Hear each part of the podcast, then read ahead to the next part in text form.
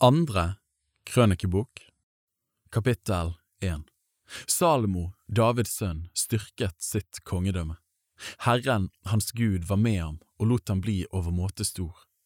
Og Salomo kalte til seg hele Israel, høvedsmennene over tusen og over hundre, dommerne og alle høvdingene i hele Israel, og overhodene for deres slekter. Han og alle de han hadde kalt sammen, dro til offerhaugen i Gibeon. For der sto Guds sammenkomsttelt, det som Herrens tjener Moses hadde laget i ørkenen. Men Guds ark hadde David ført opp fra Kiryat Jearim til det stedet han hadde gjort i stand for den, for han hadde reist et telt for den i Jerusalem. Kobberalteret som Besalael, sønn til Uri og sønnesønn til Hur, hadde laget, sto der foran Herrens tabernakel. Og Salomo og de han hadde kalt sammen, søkte dit. Og Salomo gikk opp dit, til kobberalteret for Herrens åsyn i sammenkomstens telt, og ofret tusen brennoffer på det. Samme natt åpenbarte Gud seg for Salomo og sa til ham, Be om det du vil jeg skal gi deg.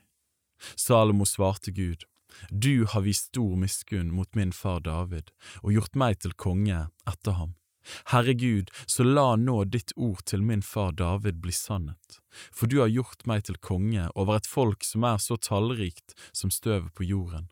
Gi meg nå visdom og kunnskap, så jeg kan være leder og fører for dette folket.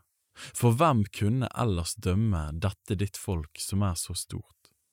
Da sa Gud til Salomo, fordi det var dette som lå deg på hjertet, og du ikke har bedt om rikdom, skatter og ære eller dine fienders død, og heller ikke om et langt liv, men har bedt om visdom og kunnskap, så du kan dømme mitt folk som jeg har gjort deg til konge over, så er visdom og kunnskap gitt deg. Og jeg vil også gi deg rikdom og skatter og ære, som ingen av de kongene som har vært før deg, har hatt, og heller ikke de som kommer etter deg, kommer til å få. Så dro Salomo fra offerhaugen i Gibeon, fra sammenkomstens telt, tilbake til Jerusalem, og han regjerte over Israel. Salomo skaffet seg mange stridsvogner og hestfolk. Han hadde 1400 stridsvogner og 12 000 hestfolk. Noen av dem la han i vognbyene, noen hos seg selv i Jerusalem. Kongen gjorde sølvet og gullet i Jerusalem like så vanlig som stein, og sedertre like så vanlig som morbærtrærne i lavlandet. Hester ble innført til Salomo fra Egypt og fra Kue. Kongens kjøpmenn kjøpte dem i Kue og hentet dem der. Hver vogn som ble hentet opp fra Egypt og innført, kostet 600 sekel sølv, og hver hest 150. På samme måten hentet de også vogner og hester derfra til alle hetittenes konger og til kongene i Syria. Kapittel 2 Salomo tenkte nå på å bygge et hus for Herrens navn og et hus for seg selv til kongebolig. Han skrev ut 70 000 mann til bærere og 80 000 mann til steinhoggere på fjellet, og han satte 3600 oppsynsmenn over dem. Så sendte han bud til Hiram, kongen i Tyrus, og sa, Gjør nå det samme for meg som du gjorde for min far David, da du sendte ham sedertre, så han kunne bygge seg et hus til å bo i. Nå vil jeg bygge et hus for Herrens, min Guds navn, og innvie det til ham, så vi kan brenne velluktende røkelse for hans åsyn, og legge fram de daglige skuebrød, og ofre brennoffer morgen og kveld på sabbatene og nymånedagene og på Herrens, vår Guds høytider. Dette er pålagt Israel for alle tider. Det huset som jeg vil bygge skal være stort, for vår Gud er større enn alle guder. Men hvem makter vel å bygge et hus for ham? Himmelen og himlenes himler rommer ham ikke. Hvem er da jeg, at jeg skulle bygge et hus for ham, nei, bare et sted hvor vi kan brenne røkelse for hans åsyn? Så send meg nå en mann som er kyndig i å arbeide i gull og sølv og kobber og jern, og i purpurrød og karmosinrød og blå ull, og som forstår seg på å skjære ut bilder, så han kan arbeide sammen med de kunstforstandige menn som jeg har her i Juda og Jerusalem, og som min far David har kalt til dette. Send meg også sedertre, sypresstre og sandeltre fra Libanon, for jeg vet at dine tjenere forstår seg på å hogge trærne på Libanon, og mine tjenere skal arbeide sammen med dine. De må sørge for trær i mengdevis til meg, for det huset jeg vil bygge skal være stort og prektig. Tømmerhoggerne, dine tjenere som feller trærne, vil jeg gi 20 000 kor tresket hvete og 20 000 kor bygg og 20 000 bat vin og 20 000 bat olje. Hiram, kongen i Tyrus, svarte i et brev som han sendte Salomo, fordi Herren elsker sitt folk, har han satt deg til konge over dem. Og Hiram skrev videre, Lovet være Herren, Israels Gud, som har skapt himmel og jorden, fordi han har gitt kong David en vis sønn, som har slik visdom og forstand at han kan bygge et hus for Herren og et hus for seg selv til kongebolig. Jeg sender deg nå en skyndig og forstandig mann, Huram Abi. Han er sønn til en kvinne av Dans døtre, men hans far er en mann fra Tyrus. Han forstår seg på arbeidet i gull og sølv, kobber, jern, stein og tre, og i purpurrød og blå ull, og i hvitt lin og i karmosinrød ull. Og han forstår seg på å skjære ut alle slags bilder og planlegge alle slags kunstverk som han får som sin oppgave, sammen med dine kyndige menn og min Herres, din far Davids kyndige menn. Nå kan min herre sende sine tjenere hveten og byggen, oljen og vin som han har talt om. Så skal vi hogge så mange trær på Libanon som du har bruk for, og sende dem i flåter på havet til Jaffa. Så kan du selv hente dem opp til Jerusalem. Så talte Salomo alle de fremmede menn som bodde i Israels land. Det var etter den tellingen hans far David hadde foretatt. Det viste seg at det var 153 600 mann. Av dem gjorde han 70 000 til bærere og 80 000 til steinhoggere på fjellet og 3600 til oppsynsmenn som skulle holde folket i arbeid. Kapittel 3 Så begynte Salomo å bygge Herrens hus i Jerusalem, på Moriafjellet. Det var der Herren hadde åpenbart seg for hans far David, på det stedet David hadde gjort i stand, på jebusitten Ornans treskeplass. Han begynte å bygge på den andre dagen i den andre måneden i det fjerde året av sin regjering. Da Salomo skulle bygge Guds hus, la han grunnvoll slik. Lengden var 60 al etter det eldre mål, og bredden 20 al. Forhallen som lå foran huset var 20 al bred, svarende til bredden av huset, og 120 al høy, og han kledde den innvendig med rent gull. Det store huset kledde han med sypresstre, dessuten kledde han det med ekte gull og satte palmer og skjeder på det. Han smykket huset med edelsteiner, gullet var gull fra Parvajim, Hele huset, både bjelkene og dørtersklene og veggene og dørene kledde han med gull og skar ut kjeruber på veggene. Det aller helligste bygde han slik at lengden var 20 al, svarende til bredden av huset, og bredden 20 al, og han kledde det med ekte gull som veide 600 talenter. Vekten på naglene som var av gull, var 50 sekel. Også loftsrommene kledde han med gull. I det aller helligste laget han to kiruber i billedhoggerarbeid og kledde dem med gull. Kirubenes vinger var 20 al lange. Den ene vingen på den ene kiruben var fem al og rørte ved husets vegg. Den andre vingen var fem al og rørte ved vingen til den andre kiruben. Og den ene vingen på den andre kiruben var fem al og rørte ved husets vegg, og den andre vingen var fem al og nådde vingen til den første kiruben.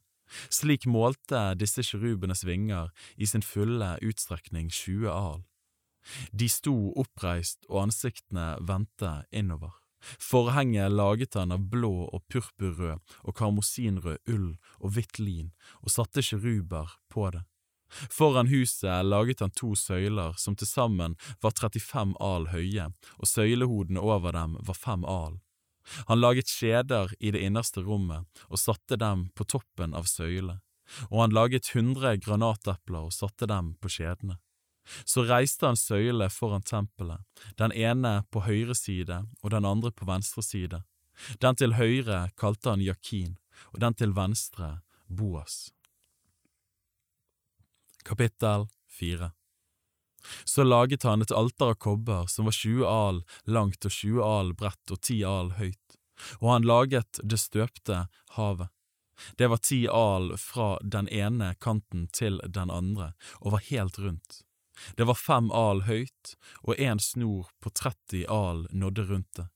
Nedenfor kanten var det bilder av okser rundt omkring, de nådde rundt omkring havet, ti på hver al. Det var to rader med okser, og de var støpt i ett med havet. Havet sto på tolv okser, tre vendt mot nord, tre vendt mot vest, tre vendt mot sør og tre vendt mot øst. Havet hvilte på dem. Deres bakkropper vendte alle innover. Kummen var en håndsbredd tykk. Kanten var som randen på et beger, lik en liljeblomst. Den tok mange bat, 3000 bat rommet den. Så laget han ti vaskekar og satte fem på høyre side og fem på venstre side. I dem skyldte de det som hørte til brennofferet, men havet hadde prestene til å vaske seg i. Videre laget han ti gull-lysestaker i den foreskrevne form og satte dem i det hellige, fem på høyre og fem på venstre side. Og han laget ti bord og satte dem i det hellige, fem på høyre og fem på venstre side. Og han laget hundre skåler av gull. Så bygde han prestenes forgård og den store gården og dører til gården. Dørene kledde han med kobber. Havet satte han på høyre side av huset mot sørøst. Huram laget askebøttene og ildskuffene og skålene til å stenke blod med. Så var Huram ferdig med det arbeidet han gjorde for kong Salomo i Guds hus. Det var to søyler og de to skålene og søylehoder på toppen av søyle, og de to nettverkene til å dekke de to skålene på søylehodene på toppen av søyle, og de fire hundre granateplene til de to nettverkene. To rader granatepler til hvert nettverk, til å dekke de to skålene på søylehodene og han laget fotstykkene og karene på fotstykkene, havet og de tolv oksene under det, og askebøttene og ildskuffene og gaflene og alt det som hørte til, laget mesteren Huram, som kong Salomo hadde i sin tjeneste, for ham til Herrens hus. Alt var av blankt kobber. Det var på Jordansletten kongen lot dem støpe, i leirjorden mellom Sukkot og Seredata Salomo laget alle disse sakene i stor mengde, for kobberets vekt ble ikke undersøkt. Salomo laget også alle de ting som skulle være Guds hus, gullalteret og bordene som skuebrødene skulle ligge på, lysestakene med lamper som skulle tennes på foreskrevne måte, de sto foran det innerste rommet, og de var av fint gull. Blomstene på dem og lampene og lysesaksene var av gull, av det reneste gull, og knivene og skålene til å stenke blod med, og røkelsesskålene og fyrfatene, alt var av fint gull. Og i inngangene til huset var både de indre dørene som førte til det aller helligste, og de dørene som førte til det hellige, laget av gull. Kapittel 5 da det nå var ferdig, alt det arbeidet Salomo hadde latt utføre for Herrens hus, lot han bære inn dit de ting som hans far David hadde hellighet til Herren. Både sølvet og gullet og alle karene la han ned i skattkammeret i Guds hus. Så kalte Salomo sammen til Jerusalem Israels eldste og alle stammehøvdingene, overhodene for Israels barns familier, for å føre Herrens paktsark opp fra Davids by, det er Sion. Og alle Israels menn samlet seg hos kongen på festen i den tjuende måneden. Da nå alle Israels eldste var kommet, løftet levittene arken opp, og de bar opp arken og sammenkomstens telt og alle de hellige kar som var i teltet. Det var de levittiske prestene som bar dem opp. Og kong Salomo og hele Israels menighet, som hadde samlet seg hos ham, sto foran arken, og de ofret småfe og storfe i slik mengde at de ikke kunne telles eller regnes. Prestene bar Herrens paktsark inn på dens plass i husets innerste rom, i det aller helligste, under kirubenes vinger. For kjerubene bredte vingene ut over det stedet hvor arken sto, slik at kjerubene ovenfra dekket både over arken og bærestengene. Stengene var så lange at en kunne se endene av dem fra det hellige foran det innerste rommet, men ikke utenfra, og der har arken vært til denne dag. Det var ikke noe annet i arken enn de to tavlene som Moses hadde lagt ned i den ved Horeb, den gang Herren sluttet pakt med Israels barn da de dro ut av Egypt. Så gikk prestene ut av helligdommen. Alle de prestene som var der, hadde helliget seg, uansett hvilket skift de tilhørte. Og alle de levittiske sangerne, både Asaf og Heman og Jedutun og deres sønner og deres brødre, sto i klær av fint lin med symbler og harper og sitarer på østsiden av alteret. Sammen med dem sto 120 prester som blåste i trompeter. Og trompetblåserne og sangerne, alle som én og på en gang, stemte i for å love og prise Herren. Og de lot trompetene og symblene og de andre musikkinstrumentene klinge og lovet Herren fordi Han er god og Hans miskunnhet varer til evig tid. Da ble huset, Herrens hus, fylt av en sky, og på grunn av skyen kunne prestene ikke bli stående og gjøre tjeneste, for Herrens herlighet fylte Guds hus. Kapittel 6 Da sa Salomo, Herren har sagt at han vil bo i det dunkle, og nå har jeg bygd et hus til bolig for deg, et sted hvor du kan bo til evig tid. Så vendte kongen seg om og velsignet hele Israels menighet, mens hele Israels menighet sto. Han sa, Lovet være Herren, Israels Gud, som med sin munn talte med David min far, og med sin hånd har oppfylt det han lovte da han sa, Fra den dagen jeg førte mitt folk ut av landet Egypt, har jeg ikke utvalgt noen by blant alle Israels stammer hvor det skulle bygges et hus til bolig for mitt navn. Heller ikke har jeg utvalgt noen mann til å være fyrste over mitt folk Israel. Men jeg utvalgte Jerusalem til bolig for mitt navn, og jeg utvalgte David til å råde over mitt folk Israel. Og David, min far, hadde i sinne å bygge et hus for Herrens Israels Guds navn. Men Herren sa til David, min far, du gjorde vel i at du hadde i sinne å bygge et hus for mitt navn.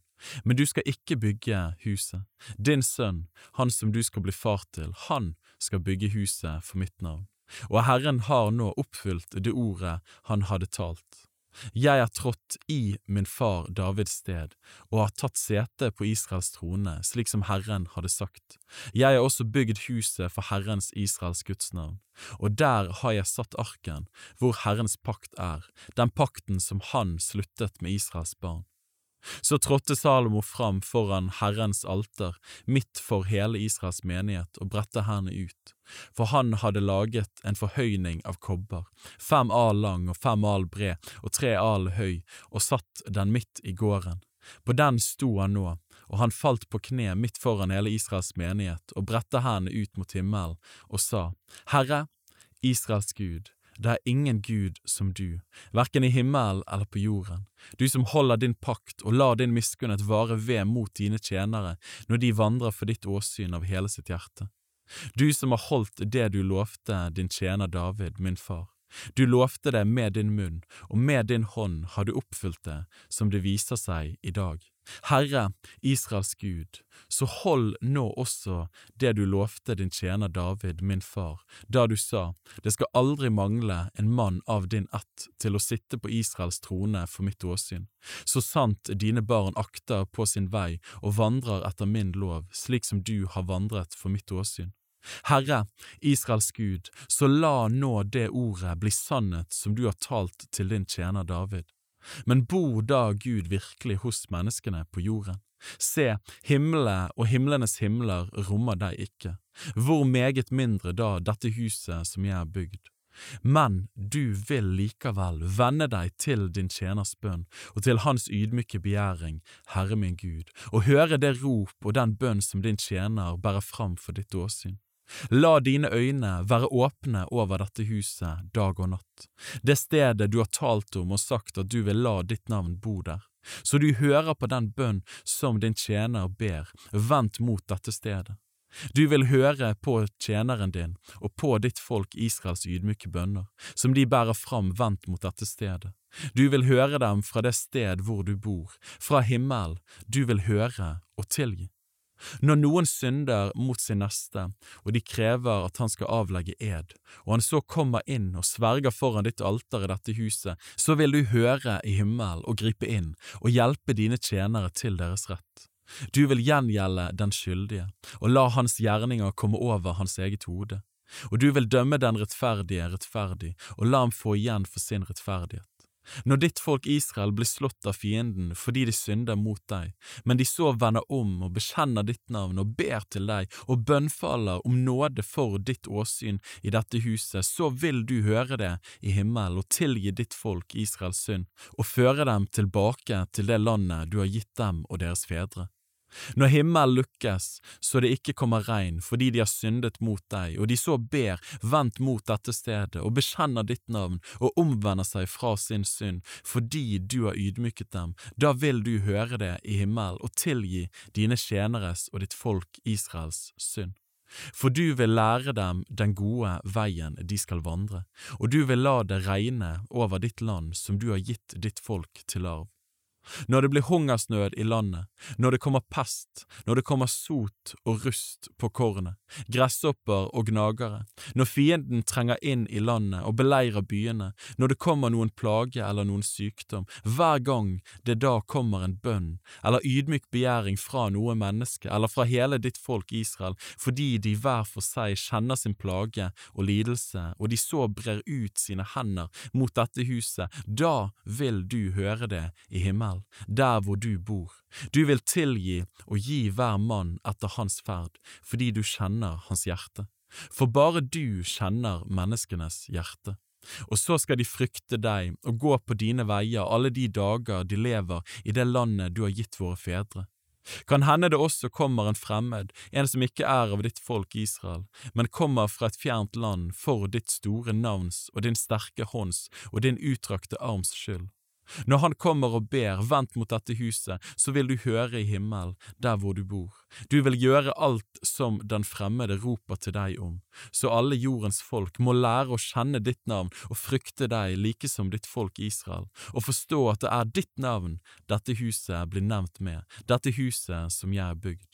Når ditt folk drar ut i krig mot sine fiender på den veien du sender dem, og de så ber til deg, vendt mot denne byen som du har utvalgt, og det huset jeg har bygd for ditt navn, så vil du i himmel høre deres bønn og ydmyke begjæring og hjelpe dem til deres rett.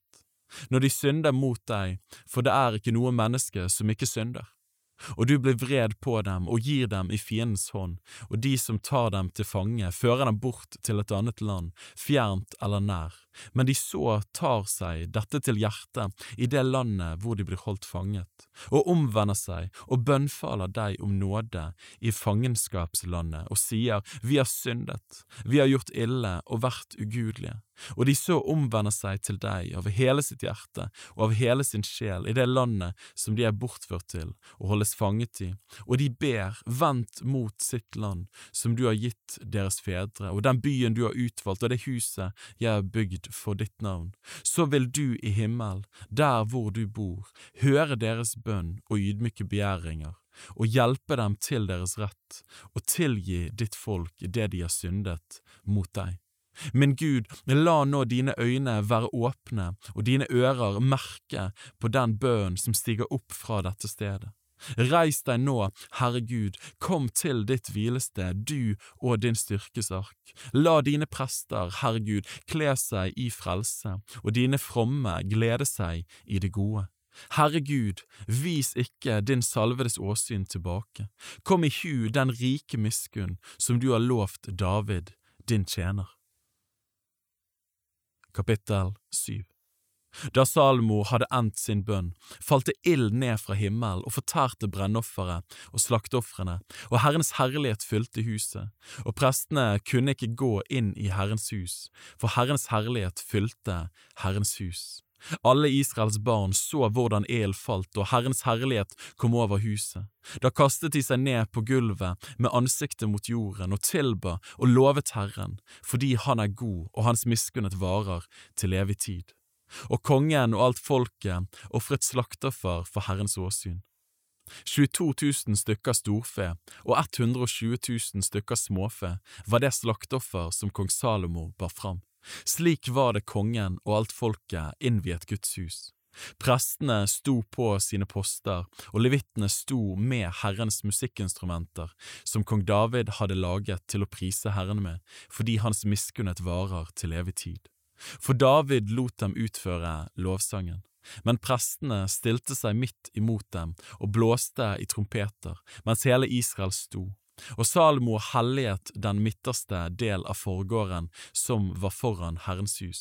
Der ofret han brennofrene og fettstykkene av fredsofrene, fordi kobberalteret som Salomo hadde laget, ikke kunne romme brennofferet og matofferet og fettstykkene. I sju dager feiret Salomo den gang festen, og hele Israel med ham. En stor mengde folk var kommet sammen like fra Hamatveien og til Egypterbekken. På den åttende dagen holdt de en festforsamling. For innvielsen av alteret feiret de i sju dager og festen i sju dager. På den 23. dagen i den tjuende måneden lot han folket fare hjem igjen, glade og vel til mote over det gode Herren hadde gjort mot David og Salomo og mot sitt folk Israel. Salomo var nå ferdig med å bygge Herrens hus og kongens hus. Alt det han hadde hatt i sinne å gjøre i Herrens hus og i sitt eget hus, hadde han godt og vel fullført. Da åpenbarte Herren seg for Salomo om natten og sa til ham, Jeg har hørt din bønn og utvalgt dette stedet til et offersted for meg. Når jeg lukker himmelen så det ikke kommer regn, og når jeg befaler gresshoppene å fortære landet, og når jeg sender pest iblant mitt folk, og så mitt folk, som er kalt med mitt navn, ydmyker seg og ber og søker mitt åsyn og omvender seg fra sine onde veier, da vil jeg høre i himmelen og tilgi deres synd og lege deres land. Nå skal mine øyne være opplatt og mine ører merke seg den bønn som stiger opp fra dette stedet. Og nå har jeg utvalgt og helliget dette huset, for at mitt navn skal bo der til evig tid, og mine øyne og mitt hjerte skal være der alle dager. Hvis du nå vandrer for mitt åsyn, som din far David gjorde, så du gjør alt det jeg har befalt deg, og holder mine bud og mine lover, så vil jeg trygge din kongetrone etter den pakten som jeg sluttet med din far David, da jeg sa, det skal aldri mangle en mann av din ett til å råde over Israel.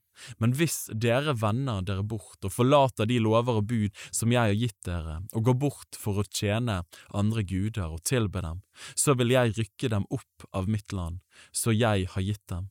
Og dette huset som jeg har helliget for mitt navn, vil jeg kaste bort fra mitt åsyn, og gjøre det til et ordspråk og til en spott blant alle folk og hver den som går forbi dette huset, som har vært så opphøyet, skal bli forferdet.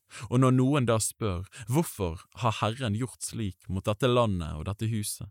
Da skal de svare, fordi de forlot Herren, sine fedres Gud, som førte dem ut av landet Egypt, og holdt seg til andre guder og tilba dem og dyrket dem. Derfor har han ført all denne ulykken over dem. Kapittel 8 da nå de 20 år var gått som Salomo hadde brukt for å bygge Herrens hus og sitt eget hus, bygde han opp de byene som Hiram hadde gitt Salomo, og lot Israels barn bosette seg i dem. Deretter dro Salomo til Hamat Soba og la det under seg. Han bygde også opp Tadmor i ørkenen og alle de forrådsbyene han bygde i Hamat. Likeså bygde han opp øvre Bet Horon og nedre Bet Horon, og gjorde dem til befestede byer med murer, dobbelte porter og bommer. Han bygde også Baalat og alle de forrådsbyene han hadde, og alle byene for stridsvognene og byene for hestfolket og alt det andre som han hadde lyst til å bygge, både i Jerusalem og på Libanon og i hele det landet han rådde over alle som var blitt tilbake av hetittene, amorittene, ferisittene, hevittene og jebusittene, folk som ikke hørte til Israel, alle de etterkommere av disse folk som var blitt igjen i landet fordi Israels barn ikke hadde utryddet dem, dem tok Salomo til å gjøre pliktarbeid, og slik har det vært til denne dag. Men Salomo tok ikke noen av Israels barn til å være arbeidstrell. De var krigsmenn og høvdinger og våpensveiner og høvedsmenn for hans stridsvogner og hestfolk. Kong Salmos arbeidsformenn var 250 i tallet. De hadde tilsyn med folkene. Salomo førte faraos datter fra Davids by inn i det huset han hadde bygd for henne. Han sa, Det skal ikke bo noen kvinne i Davids, Israels kongesby. Det er hellig, fordi Herrens ark er kommet hit. Den gang ofret Salomo brennoffer for Herren på Herrens alter, det som han hadde bygd foran forhalen. Han ofret hver dag de offer som var foreskrevet av Moses på den dagen, på sabbatene og nymånedagene og høytidene tre ganger om året, på de usyrede brøds fest og på ukenes fest og på løvhyttenes fest. Etter den forskrift hans far David hadde gitt, satte han prestenes skift til deres tjeneste og levittene til deres gjøremål, til å synge Herrens lov og gå prestene til hånde, etter som det krevdes for hver dag. Likeså ga han dørvokterne deres skift ved de forskjellige porter, for så hadde Guds mann David befalt. Verken når det gjaldt skattkamrene eller i noen annen sak vek de av fra det som kongen hadde befalt prestene og levittene. Så var da hele Salomos verk utført, fra den dagen grunnvollen ble lagt til Herrens hus, til det var fullendt. Herrens hus sto ferdig. Ved den tid dro Salomo til Esjon Geber og til Eilat ved kysten av Edoms land, og Hiram sendte folk til ham med skip og sjøvant mannskap. De for sammen med Salomos folk til Ofir og hentet derfra 450 talenter gull og førte det hjem til kong Salomo. Kapittel 9 Da dronningen av Saba hørte gjetord om Salomo, kom hun til Jerusalem med et stort følge og med kameler som bar krydderier og gull i mengde og edelstener.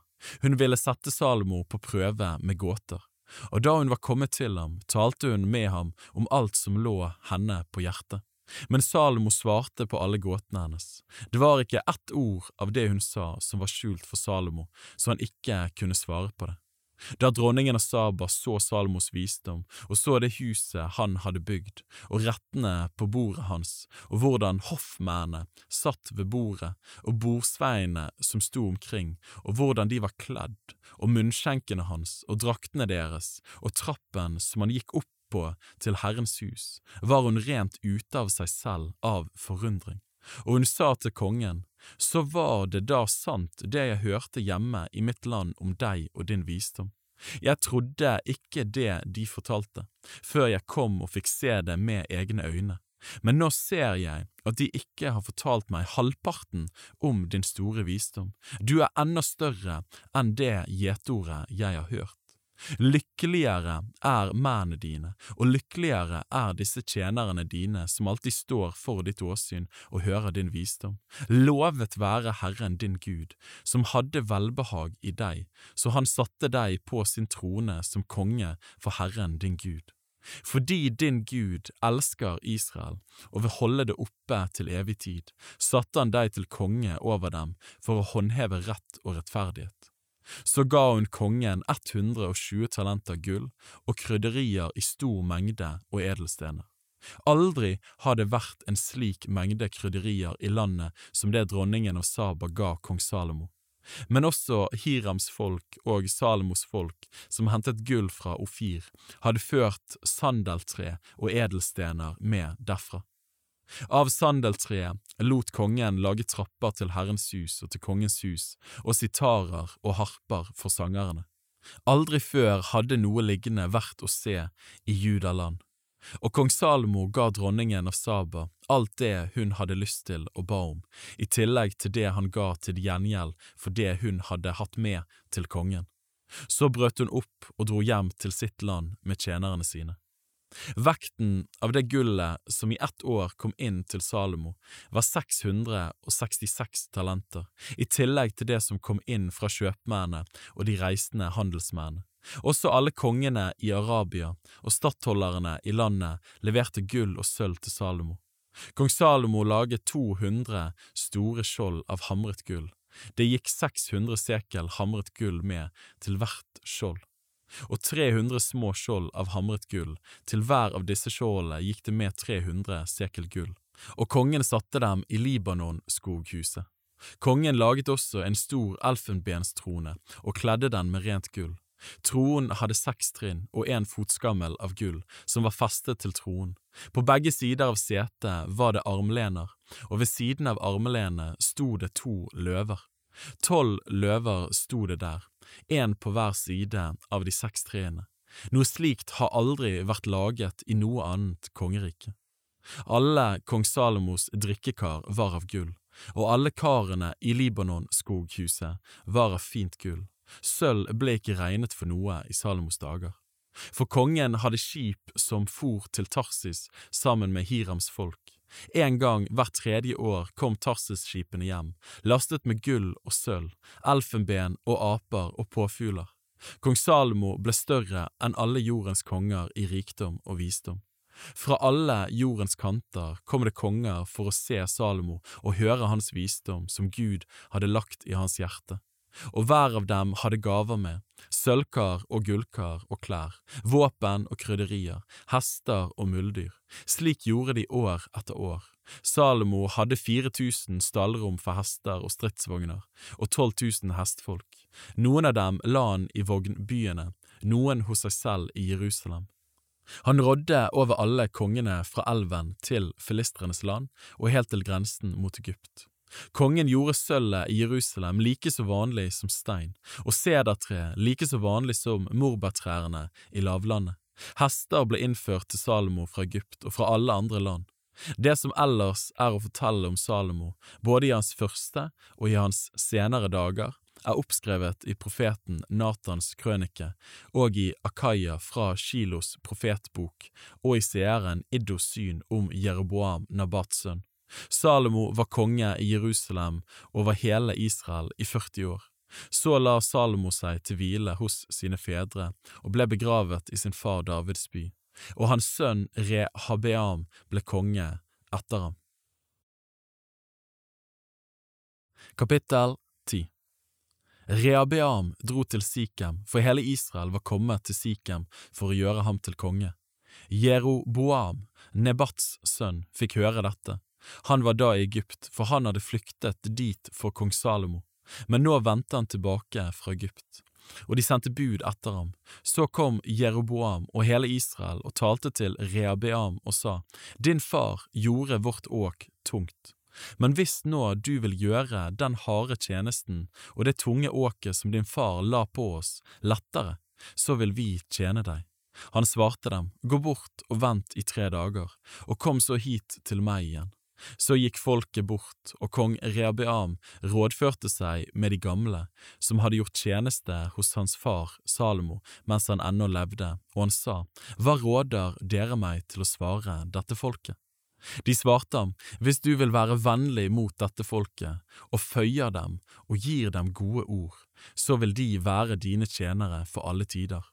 Men han brydde seg ikke om det rådet som de gamle hadde gitt ham, men rådførte seg med de unge, som var vokst opp sammen med ham og som nå var i hans tjeneste. Han spurte dem, Hva råder dere til at vi skal svare dette folket som har sagt til meg, gjør det åket lettere som din far la på oss? Og de unge, som var vokst opp sammen med ham, svarte ham, Slik skal du si til dette folket som sa til deg, Din far gjorde vårt åk tungt, men gjør du det lettere for oss, slik skal du tale til dem, Min lillefinger er tykkere enn min fars midje.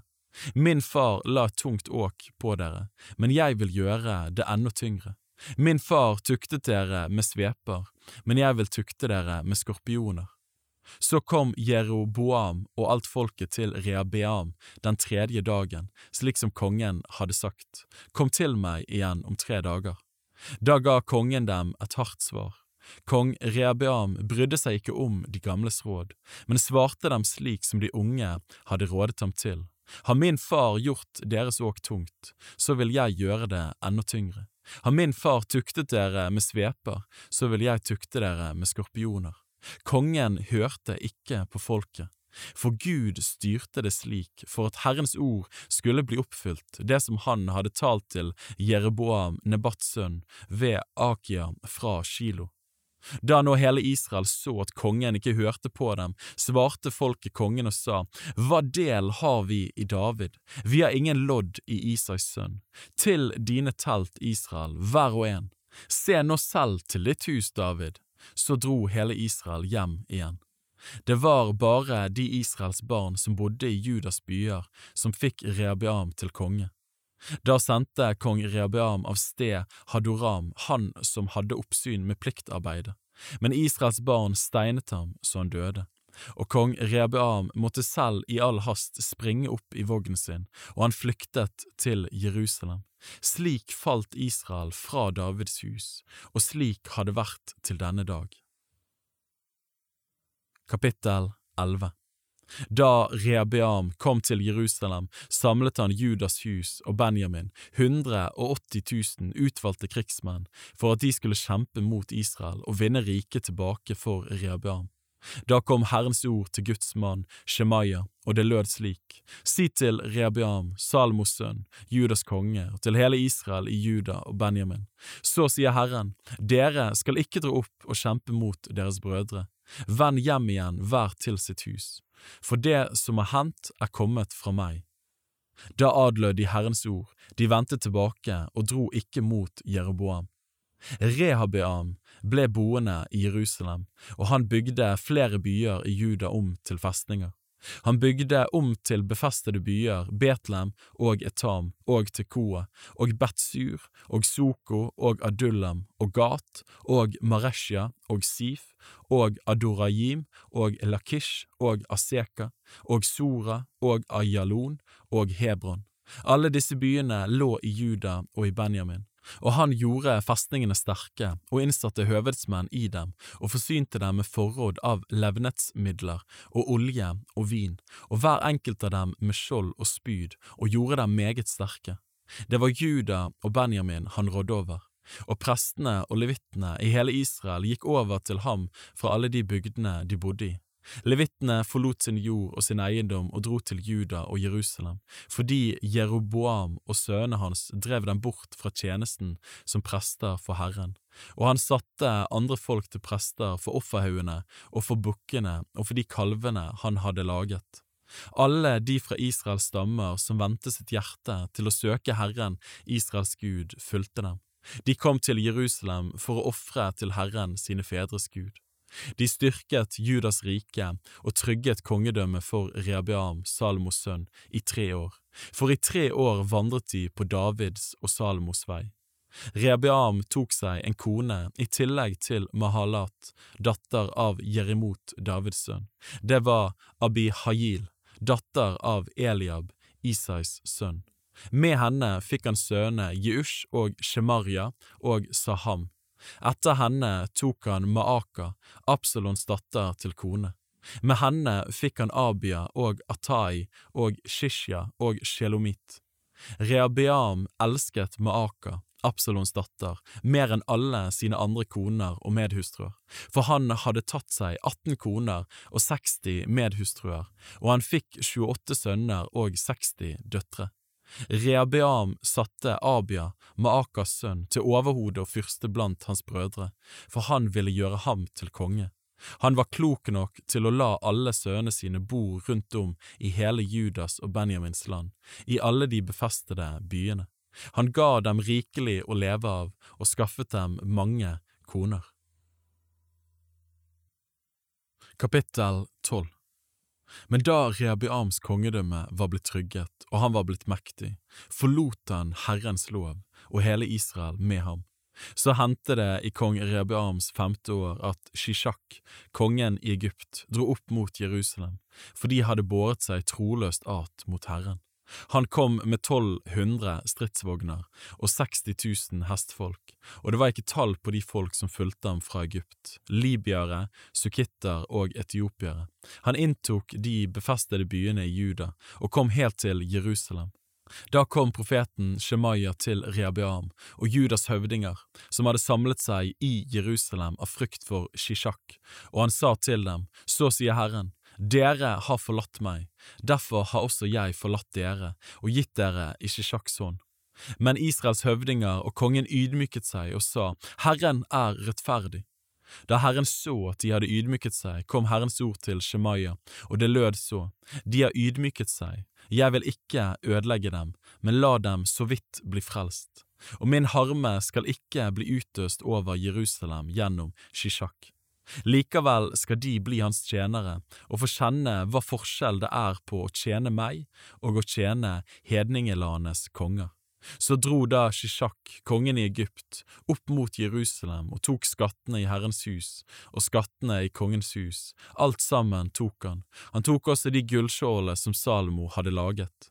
Istedenfor dem laget kong Rebiam kobberskjold og overga dem til høvedsmennene for vaktmennene som voktet inngangen til kongens hus. Hver gang kongen gikk inn i Herrens hus, kom vaktmennene og bar dem og tok dem så med tilbake til vaktrommet.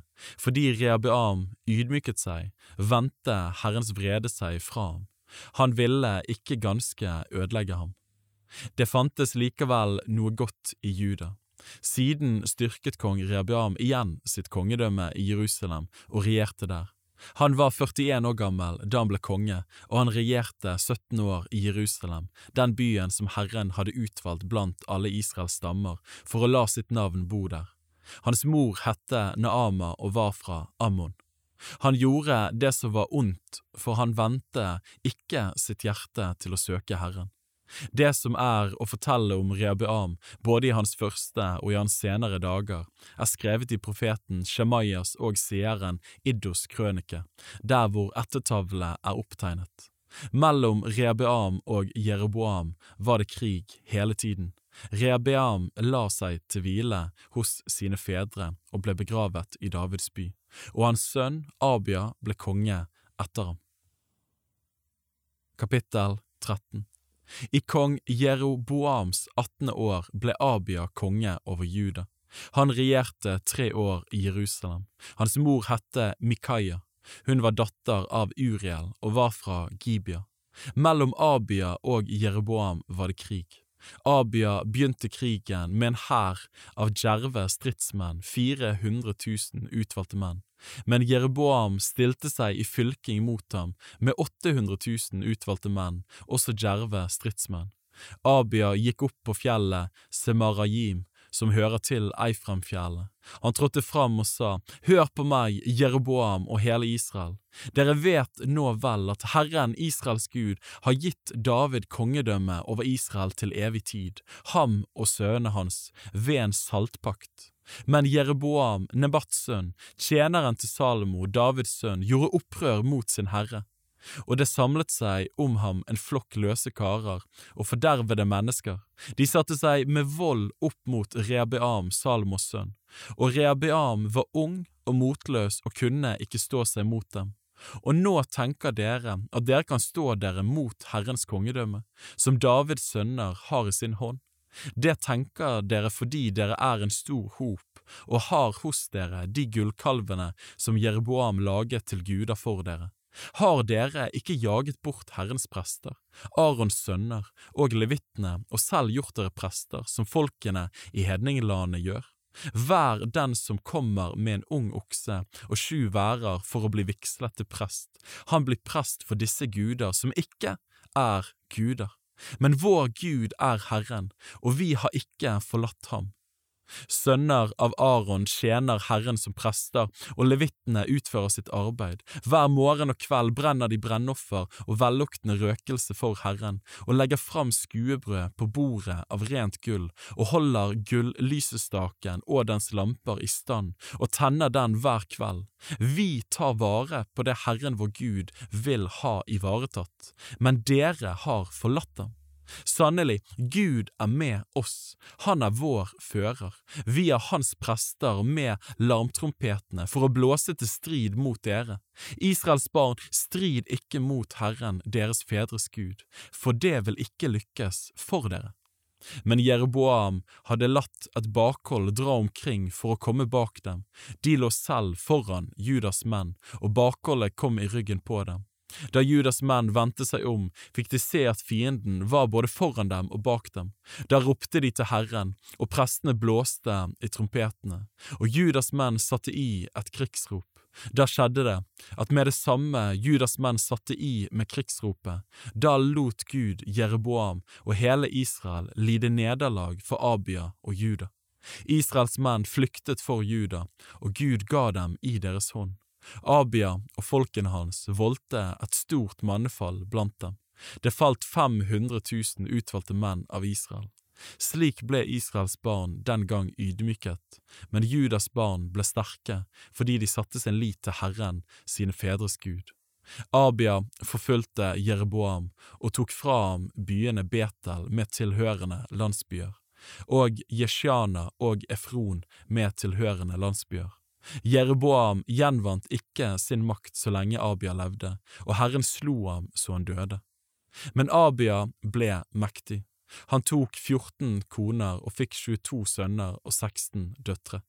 Det som ellers er å fortelle om Abia, om det han gjorde og det han sa, det er oppskrevet i profeten Iddos historiebok. Kapittel 14 Abia la seg til hvile hos sine fedre og ble begravet i Davids by, og hans sønn Asa ble konge etter ham. I hans dager hadde landet ro i ti år. Asa gjorde det som var godt og rett i Herrens, hans Guds øyne. Han fikk bort altrene og offerhaugene for de fremmede guder. Han brøt i stykker støttene og hogg ned av startebildene. Han befalte Juda å søke Herren, fedrenes Gud, og holde loven og budene. I alle Judas byer fikk han bort offerhaugene og solstøttene. Riket hadde ro under ham. Asa bygde festninger i Juda, for landet hadde fred. Ingen førte krig mot dem i disse årene, fordi Herren ga ham ro. Han sa til Juda, la oss bygge disse byene og reise murer og tårn, porter og bommer omkring dem. Ennå råder vi fritt over landet, fordi vi har søkt Herren vår Gud. Vi har søkt ham, og han har gitt oss fred på alle kanter. Så tok de til å bygge, og det lyktes for dem. Asas hær var 300 000 mann av Juda, som var væpnet med spyd og store skjold, og 280 000 mann av Benjamin, som bar små skjold og skjøt med bue. Alle var djerve stridsmenn.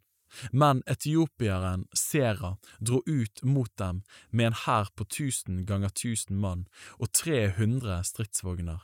Han kom til Maresja. Og Asa dro ut mot dem, og de stilte seg i fylking i Sefata dal ved Maresja. Da ropte Asa til Herren sin Gud og sa, Herre, for deg gjør det ingen forskjell, enten du hjelper den mektige eller den maktesløse. Hjelp oss, Herre vår Gud, til deg setter vi vår lit, og i ditt navn er vi gått ut mot denne store mengden. Herre, du er vår Gud, la ikke et menneske stå seg mot deg.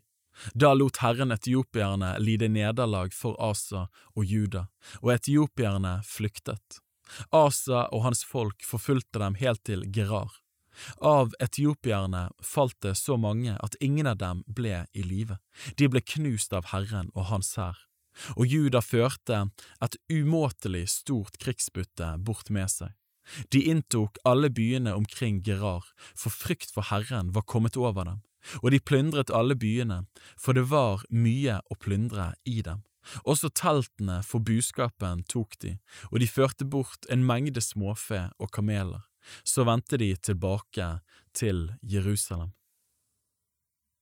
Kapittel 15 Da kom Guds ånd over Asarja, Odeds sønn, han gikk ut mot Asa og sa til ham, Hør på meg, Asa, og hele Juda og Benjamin, Herren er med dere, så sant dere er med ham.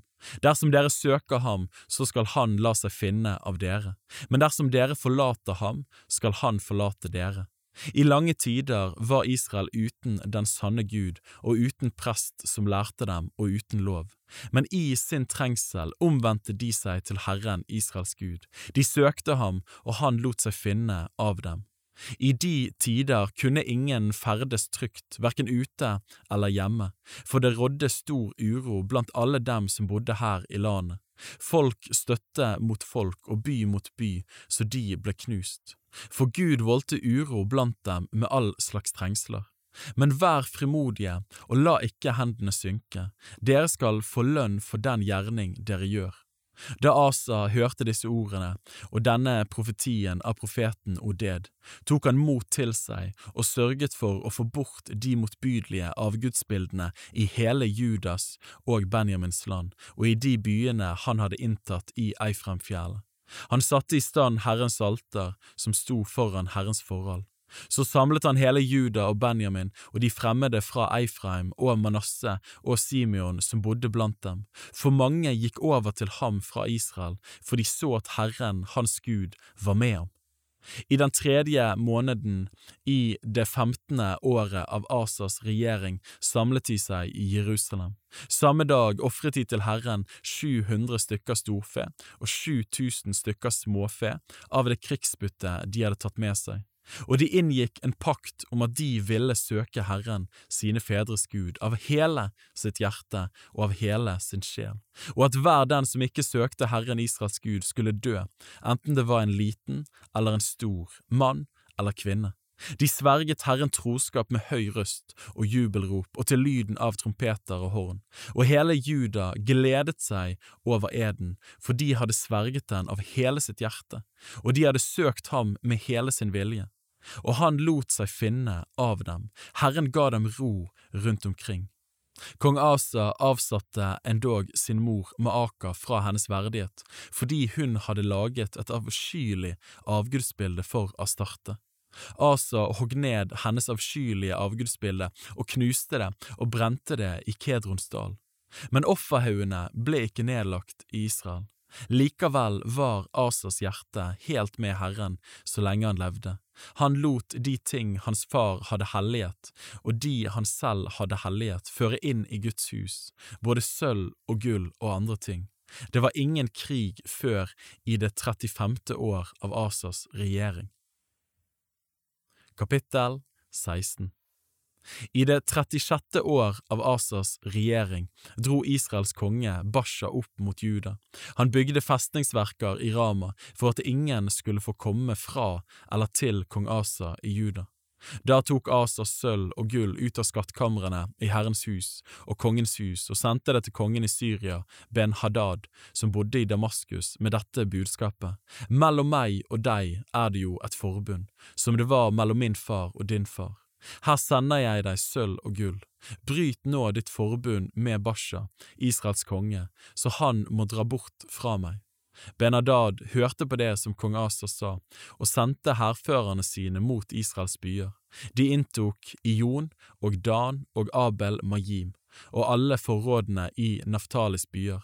Da Basha hørte dette, holdt han opp med å bygge festningsverker i Rama, og oppga dette arbeidet.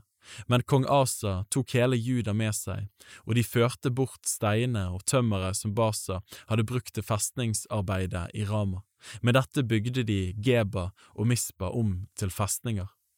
På den tiden kom seeren Hanani til Judas konge Asa og sa til ham, fordi du satte din lit til kongen i Syria, og ikke til Herren din Gud, derfor har Syrakongens hær sluppet ut av hendene på deg. Var ikke etiopierne og libyerne en stor hær med stridsvogner og hestfolk i stor mengde? Men fordi du den gang satte din lit til Herren, ga han dem i din hånd. For Herrens øyne farer over hele jorden for kraftig å støtte dem som er helt med ham i sitt hjerte. Du har båret deg uforstandig at i dette, for fra nå av skal du alltid ha krig. Men Asa ble harm på seeren og satte ham i fengsel, så vred var han på ham for dette. På samme tid for han også hardt fram mot andre av folket. Det som er å fortelle om Asa, både i hans første og i hans senere dager, er skrevet i boken om Judas og Israels konger. I sin regjerings 39. år ble Asa syk i føttene. Hans sykdom ble verre og verre, men ikke engang under sykdommen søkte han Herren, men bare legene. Og Asa la seg til hvile hos sine fedre og døde i sin regjerings 41. år. De begravde ham i det gravstedet han hadde latt hogge ut for seg i Davids by, og de la ham på et leie som var fylt med velluktende urter og forskjellige blandede salver, og de brente et veldig bål til ære for ham. Kapittel 17 Hans sønn Jushafat ble konge etter ham. Han søkte å styrke sin stilling mot Israel. Han la krigsfolk i alle Judas befestede byer. Han satte også vaktposter i Juda og i de byene hans far Asa hadde tatt i Eifreim. Herren var med Josjafat fordi han vandret på de veier hans far David hadde fulgt i sin første tid. Han søkte ikke til Baale, men til sin fars Gud. Han fulgte hans bud og gjorde ikke som Israel. Herren trygget kongedømmet i hans hånd. Hele Juda ga Josjafat gaver, så han fikk stor rikdom og ære. Hans mot vokste mens han gikk fram på Herrens veier. Han fikk også bort offerhaugene og astartebildene i Juda. Det tredje året han regjerte, sendte han høvdingene sine og Ben Hayil og Obadja og Zakaria og Netanael og Mikaya ut for å lære i Judas byer. Sammen med dem sendte han levittene Shemeya og Netanya og Sebadja og Asael og Shemiramot og Jonathan og Adonia og Tobia og Tob Adonia, og med disse levittene, prestene, Elishama og Joram. De lærte i Juda og hadde Herrens lovbok med seg. De dro omkring i alle Judas byer og lærte folket, og frykt for Herren kom over alle rikene i de land som lå rundt omkring Juda, så de ikke torde føre krig mot Jushafat. En del av filistrene kom med gaver til Jushafat og med sølv som de ga i skatt. Også araberne førte småfe til ham, 7700 værer og 7700 bukker. Slik ble Jushafat mektigere og mektigere, til hans makt var meget stor. Han bygde borger og forrådsbyer i Juda. Han fikk gjort store arbeider i Judas byer og samlet stridsmenn, djerve krigere i Jerusalem. Dette er listen over dem etter deres familier.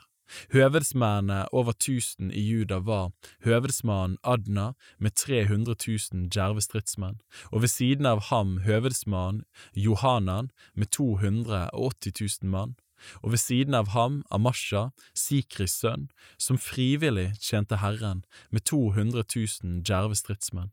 Av Benjamin var det Eliada, en djerv stridsmann, med 200 000 mann som var væpnet med bue og skjold og ved siden av ham Yushabad med 180 000 mann, væpnet til strid.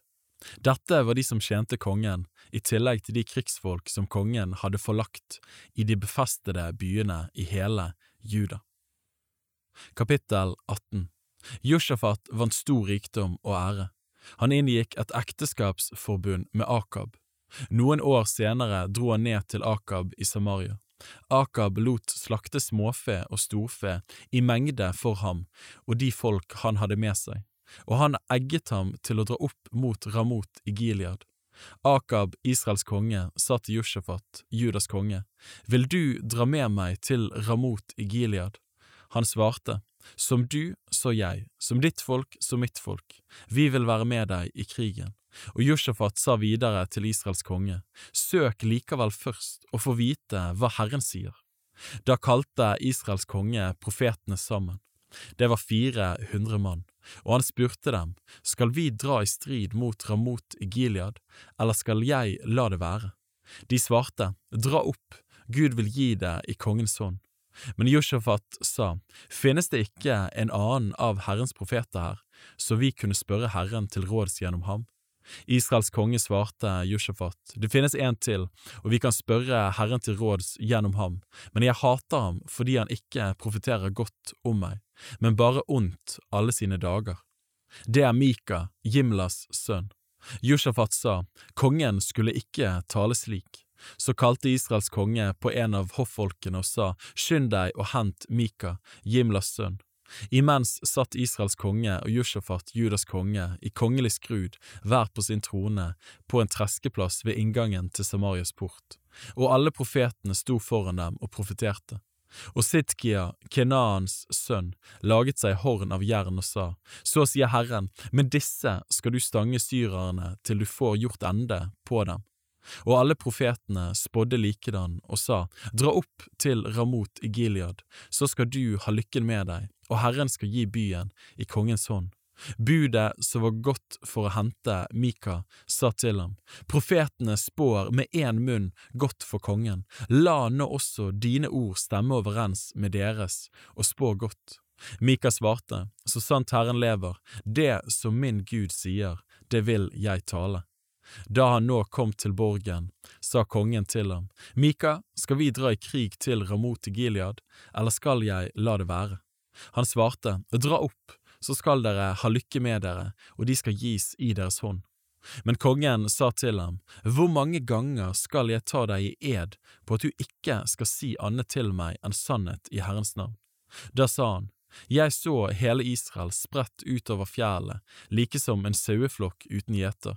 Og Herren sa, Disse har ingen herre, la dem vende tilbake i fred, hver til sitt hus. Da sa Israels konge til Jushafat, Var det ikke det jeg sa til deg? Han profeterer ikke godt om meg, men bare ondt. Men Mika sa, Hør da Herrens ord, jeg så Herren sitte på sin trone, og hele himmels hær stå på hans høyre og venstre side. Og Herren sa, Hvem vil lokke Akab, Israels konge, til å dra opp til Ramot i Gilead, han faller der? Og den ene sa så, og den andre så. Da gikk åen fram og stilte seg for Herrens åsyn og sa, Jeg skal overtale ham, og Herren spurte ham, Hvordan?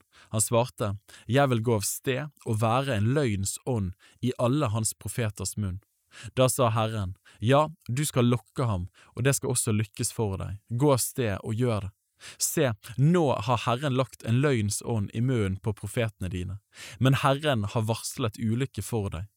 Da gikk Sidkia, Kenanas sønn, fram og slo Mika på kinnet og sa, Hvordan er Herrens ånd gått over fra meg for å tale til deg?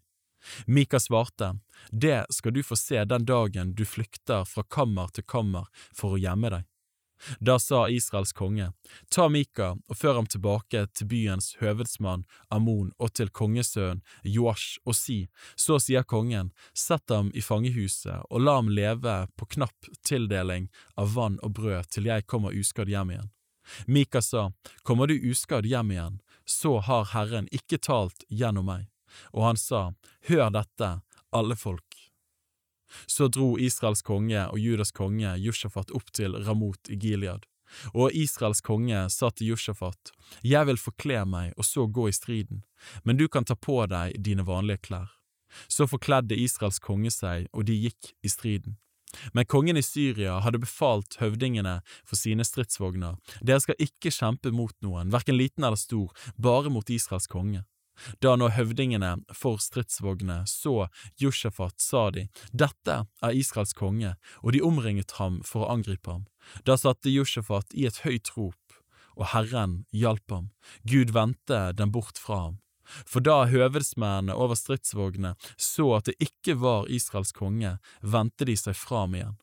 Men en mann spente buen og skjøt på måfå, og han traff Israels konge mellom brynjeskjørtet og brynjen. Da sa han til vognstyreren, Vend om og før meg ut av hæren, jeg er såret. Men striden ble stadig hardere denne dagen, og Israels konge holdt seg oppreist i vognen mot syrerne helt til om kvelden. Men på den tiden sol gikk ned, døde han. Kapittel 19 Men Judas konge Jushafat vendte uskadd hjem igjen til Jerusalem. Da gikk seeren Jehu, Hananis sønn, ut mot ham og sa til kong Jushafat, Skal en hjelpe den ugudelige, og skal du elske dem som hater Herren? For dette hviler Herrens vrede over deg. Likevel er det også funnet noe godt hos deg, for du har utryddet av startebildene av landet og vendt ditt hjerte til å søke Gud. Jushafat ble nå en tid i Jerusalem, siden dro han igjen ut iblant folket, fra Bersheba til Eifreimfjellet, og førte dem tilbake til Herren, deres fedres Gud. Han innsatte dommere i landet, i hver av de befestede byene i Juda. Og han sa til dommerne, akt vel på det dere gjør, for dere dømmer ikke for mennesker, men for Herren, og Han er hos dere så ofte dere dømmer. Så la nå Herrens frykt være over dere, vær varsomme med hva dere gjør, for hos Herren vår Gud finnes det ingen urett, og han gjør ikke forskjell på folk og tar ikke imot gaver. Også i Jerusalem innsatte Jushafat noen av levittene og prestene og noen av Israels slekters overhoder til å dømme i Herrens saker og rettstretter, for de var vendt tilbake til Jerusalem. Og han ga dem denne befalingen, slik skal dere gjøre i Herrens frykt, med troskap og med udelt hjerte, hver gang det blir lagt fram for dere en rettssak av deres brødre, de som bor rundt om i sine byer, enten det nå gjelder en drapssak eller lov og bud, vedtekter og forskrifter, da skal dere advare dem, så de ikke synder mot Herren, og det kommer vrede over dere og deres brødre. Slik skal dere gjøre, ellers kommer dere til å dra skyld over dere. I alle Herrens saker skal ypperstepresten Amaria være formann for dere, og i alle kongens saker skal Sebadja, Ismaels sønn, fyrsten for Judas hus, være formann, og levittene skal være tilsynsmenn under dere. Ta nå fatt på verket med godt mot, Herren være med den som gjør det som rett er. Kapittel 20. En tid etter hendte det at Moabs barn og Ammons barn, og sammen med dem en del av meunittene, gikk til krig mot Josjafat. Folk kom med melding om dette til Josjafat og sa, Det kommer en stor hær mot deg fra den andre siden av havet, fra Syria. De er alt kommet til Haseson Tamar, det er en gidi. Da ble Josjafat redd.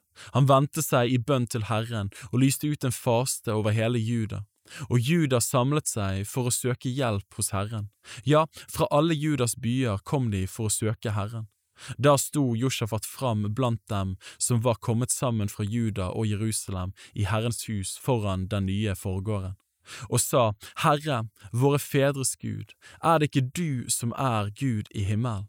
Du råder over alle folkene og deres riker, i din hånd er kraft og velde, det er ingen som kan holde stand mot deg.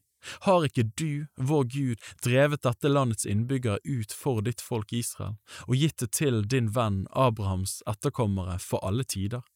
De bosatte seg der og bygde deg en helligdom der for ditt navn og sa, om noen ulykke kommer over oss, sverd, straffedom, pest eller hungersnød, så vil vi stille oss foran dette huset og for ditt åsyn. For ditt navn bor i dette huset, og vi vil rope til deg i vår nød, og så vil du høre og frelse.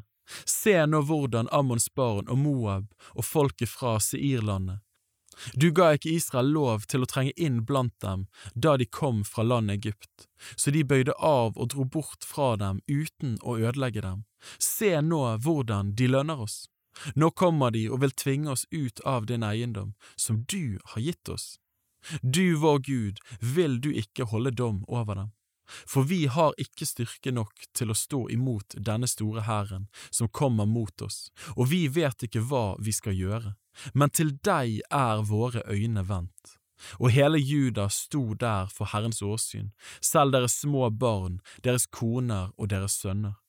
Da kom Herrens ånd over levitten Jahasiel, sønn av Zakaria, sønn av Benaya, sønn av Jeiel, sønn av Matanya, en av Asafs sønner, midt i forsamlingen, og han sa, Hør, etter hele Juda og dere Jerusalems innbyggere, og du kong Jushafat. Så sier Herren til dere, frykt ikke! Denne store hæren skal dere ikke være redde for, for denne krigen er ikke deres, men Guds. Dra ned mot dem i morgen. Da drar de oppover Hasisbakken, og dere kommer til å møte dem ved enden av dalen midt imot Jeruel-ørken. Men det er ikke dere som skal kjempe her. Dere skal bare stille dere opp og stå og se den frelse Herren vil gi dere, dere fra Juda og Jerusalem. Frykt ikke og vær ikke redde. Dra ut mot dem i morgen, og Herren skal være med dere. Da bøyde Jushafat seg med ansiktet mot jorden, og hele Juda og alle Jerusalems innbyggere falt ned for Herrens åsyn og tilba Herren og de levittene som hørte til kahatittenes og korahittenes barn, reiste seg og lovet Herren Israels Gud med sterk og høy røst. Morgenen etter brøt de tidlig opp og dro av sted til Tekoa-ørken. Med det samme de dro ut, sto Jushafat fram og sa, Hør på meg, Juda og dere Jerusalems innbyggere. Tro på Herren deres Gud, så skal dere holde stand. Tro på Hans profeter, så skal dere ha lykken med dere. Og han rådførte seg med folket og stilte opp sangere som skulle love Herren i hellig skrud, mens de dro ut foran den væpnede hæren. De skulle synge Lov Herren, for Hans miskunnet varer til evig tid. Og da de begynte med sine fryderop og lovsanger, lot Herren noen som lå i bakhold, angripe Ammons barn og Moab og folket fra Seirfjellet som var kommet mot Juda, og de ble slått. Ammons barn og Moab vendte seg mot folket fra Seirfjellet og hogg dem ned og ødela dem. Og da de hadde gjort ende på folket fra Seir, hjalp de alle til med å ødelegge hverandre. Da Juda kom opp på høyden der en kunne se ut over ørkenen, og så seg om etter hæren, fikk de se dem ligge døde på jorden, ingen var sluppet unna. Josjafat og folkene hans dro dit for å dele byttet. Der fant de både gods og døde kropper og en mengde kostbare ting. Det byttet de tok var så stort at de ikke kunne bære det. I tre dager holdt de på med å plyndre, så mye hærfang var det. Den fjerde dagen samlet de seg i lovprisningsdalen, der lovet de Herren. Derfor heter dette stedet lovprisningsdal den dag i dag. Så vendte alle Judas og Jerusalems menn tilbake. Med Jushafat i spissen dro de glade hjem til Jerusalem, for Herren hadde gitt dem den gleden å seire over fiendene sine. De dro inn i Jerusalem til Herrens hus med harper og sitarer og trompeter. Frykt for Herren kom over alle riker rundt i landet da de hørte at Herren hadde kjempet mot Israels fiender. Jushafats rike hadde nå fred, fordi hans Gud lot dem få ro på alle kanter. Slik regjerte Josjefat over Juda. Han var 35 år gammel da han ble konge, og regjerte 25 år i Jerusalem. Hans mor hette Asuba og var datter av Shilihi. Han vandret på sin far Asas vei og vek ikke fra den, men gjorde det som var rett i Herrens øyne.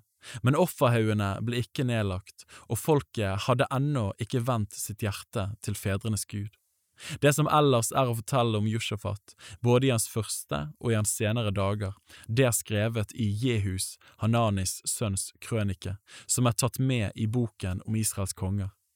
Siden inngikk Josjafat, Judas konge, en overenskomst med Akasha, Israels konge, han som bar seg så ugudelig art. Han kom overens med ham om å bygge skip som skulle gå til Tarsis, og de bygde noen skip i Eshon Geber. Da profeterte Elieser, Dodavas sønn, fra Maresha mot Josjafat og sa, fordi du har inngått forbund med Akasha, skal Herren la ditt foretagende bli til intet, og noen av skipene forliste så de ikke kunne gå til Tarsis. Kapittel 21 Josjafat la seg til hvile hos sine fedre, og ble begravet hos sine fedre i Davids by og hans sønn Joram ble konge etter ham.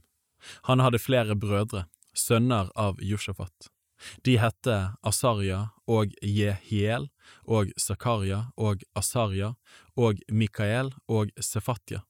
Alle disse var sønner av Israels konge Josjafat. Deres far ga dem mange gaver av sølv og gull og kostbare ting, og dessuten befestede byer i Juda. Men kongedømmet ga han til Joram, for han var den førstefødte.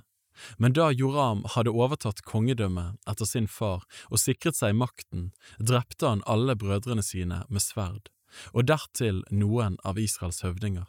Joram var 32 år gammel da han ble konge og regjerte åtte år i Jerusalem. Han vandret på Israels kongers vei slik som Akabs hus hadde gjort, for han hadde en datter av Akab til kone. Han gjorde det som var ondt i Herrens øyne. Men Herren ville ikke ødelegge Davids hus på grunn av den pakten som han hadde sluttet med David, og fordi han hadde lovt at han ville la en lampe brenne for ham og hans sønner gjennom alle tider. I Jorams dager gjorde Edom opprør mot Juda og tok seg en konge. Da dro Joram dit med sine høvdinger og med alle stridsvognene sine. Han brøt opp om natten og slo edomittene, som hadde omringet ham, og høvdingene over stridsvognene. Slik gjorde Edom opprør mot Juda, og har vært skilt fra dem til denne dag. På samme tid falt også Libna fra ham, fordi han hadde forlatt Herren, sine fedres Gud. Han laget også offerhauger på Judafjellet og lokket Jerusalems innbyggere til hor og forførte Juda. Da kom det et brev til ham fra profeten Elila, og i det sto det, Så sier Herren, din far Davids Gud, fordi du ikke har vandret på din far Josjafats veier og på Judas konge Asas veier, men har vandret på Israels kongers vei og lokket Juda og Jerusalems innbyggere til hor, slik som Akabs hus lokket til hor, og fordi du til og med har drept brødrene dine, din egen fars sønner, som var bedre enn du, så vil Herren la et hardt slag ramme ditt folk og dine sønner og koner og alt det du eier. Og selv skal du bli rammet av en svær sykdom, en sykdom i innvålet, slik at innvålet skal falle ut etter lang tid med sykdom. Så egget Herren filistrene og de araberne som bor ved siden av etiopierne, så de ble harme på Joram. De dro opp mot Juda og brøt inn i landet og førte bort alt gods som fantes i kongens hus. Dessuten førte de bort hans sønner og koner, så han ikke hadde noen sønner igjen unntatt den yngste, Joakas. Etter alt dette slo Herren ham med en uhelbredelig sykdom i innvollet. Og etter lang tid, da to år var gått, falt innvollet ut på grunn av sykdommen, og han døde under harde lidelser. Hans folk tente ikke noe bål for ham, slik som de hadde gjort for hans fedre. Han var 32 år gammel da han ble konge, og regjerte åtte år i Jerusalem. Han gikk bort, og ingen savnet ham. De begravde ham i Davids by, men ikke i kongegravene. Kapittel 22 Deretter gjorde Jerusalems innbyggere hans yngste sønn Akasha til konge etter ham for alle de eldre var blitt drept av den røverflokken som var kommet til leiren sammen med araberne. Slik ble Jorams sønn Akasha konge i Juda. Akasha var 22 år gammel da han ble konge, og han regjerte ett år i Jerusalem. Hans mor hette Atalya og var datter av Omri. Også han vandret på de samme veier som Akabs hus, for hans mor var hans rådgiver i å leve ugudelig. Han gjorde det som var ondt i Herrens øyne, like som Akabs hus. For etter hans fars død var de rådgiverne hans til ødeleggelse for ham selv. Det var også rådene dere som fulgte da han sammen med Israels konge Joram, Akabs sønn, dro ut i krig mot Hazael, kongen i Syria, og kjempet mot ham ved Ramot i Gilead. Men syrerne såret Joram. Da vendte han tilbake for å la seg lege i Israel for de sårene han hadde fått ved Rama da han kjempet mot kongen i Syria, Hazael. Og Judas konge Asarja, Jorams sønn, dro ned til Israel for å se til Joram, Akabs sønn, fordi han var syk. Men det var Gud som ville at Akasha skulle gå til grunne.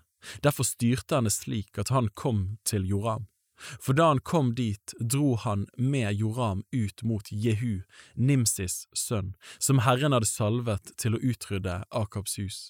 Så hendte det at Jehu, mens han var i ferd med å fullbyrde dommen over Akabs hus, møtte Judas høvdinger og Akashas brorsønner, som var i Akashas tjeneste, og drepte dem. Så lette han etter Akasha.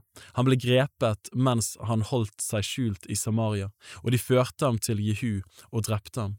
Så gravla de ham, for de sa, Han er en sønn av Joshafat, som søkte Herren av hele sitt hjerte. Men det var ingen igjen av Akashas hus som var i stand til å overta kongedømmet. Da Akashas mor, Atalia, fikk vite at sønnen hennes var død, gikk hun i gang med å utrydde hele kongeætten i Judas hus. Men kongedatteren Joshjabat tok Joash, Akashas sønn, og førte ham hemmelig bort fra kongesønnene som skulle drepes. Hun førte ham og hans amme inn i et sengkammer.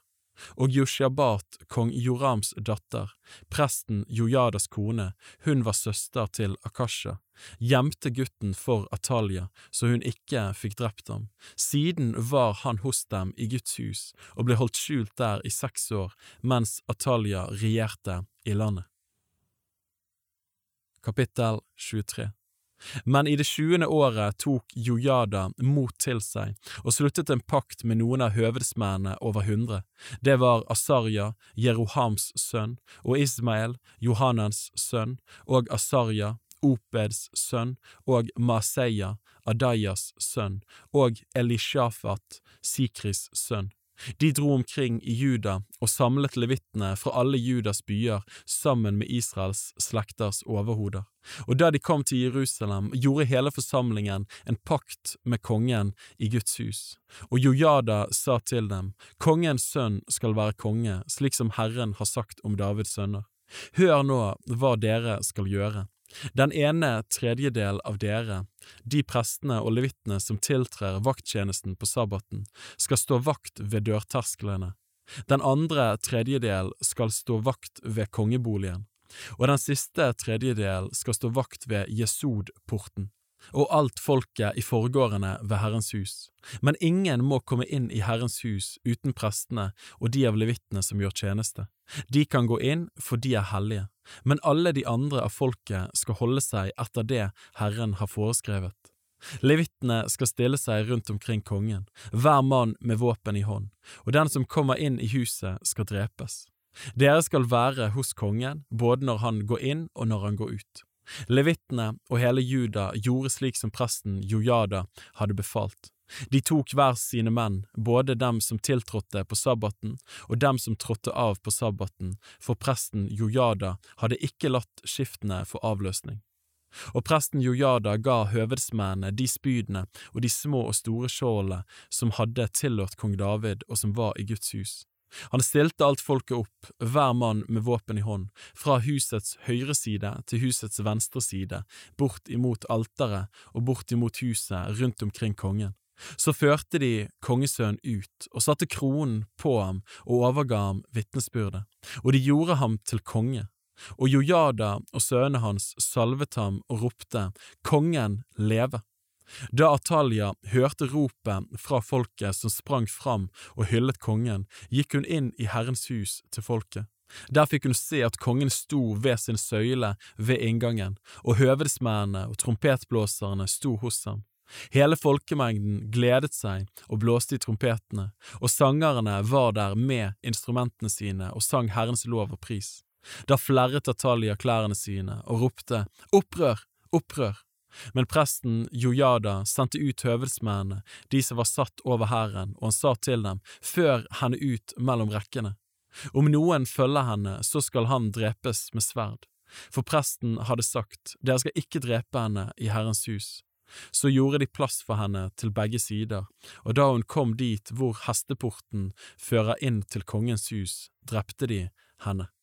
Og Jojada sluttet en pakt mellom seg og alt folket, og med kongen, at de skulle være Herrens folk. Og alt folket gikk inn i Baals hus og rev det ned, hans altre og avgudsbildene knuste de, og Baals prest Matan drepte de foran altrene. Jojada overlot tilsynet i Herrens hus til de levittiske prestene, som David hadde inndelt i skift for tjenesten i Herrens hus. De skulle ofre Herrens brennoffer, som skrevet er i Moselov, med glede og sang etter Davids forskrift. Og han satte dørvoktere ved portene til Herrens hus, for at ingen som var blitt uren på noen måte skulle komme inn der.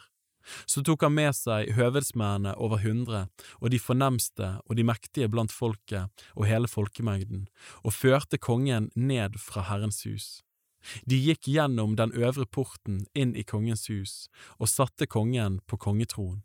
Hele folkemengden gledet seg, og byen var rolig. Men Atalia hadde de drept med sverd.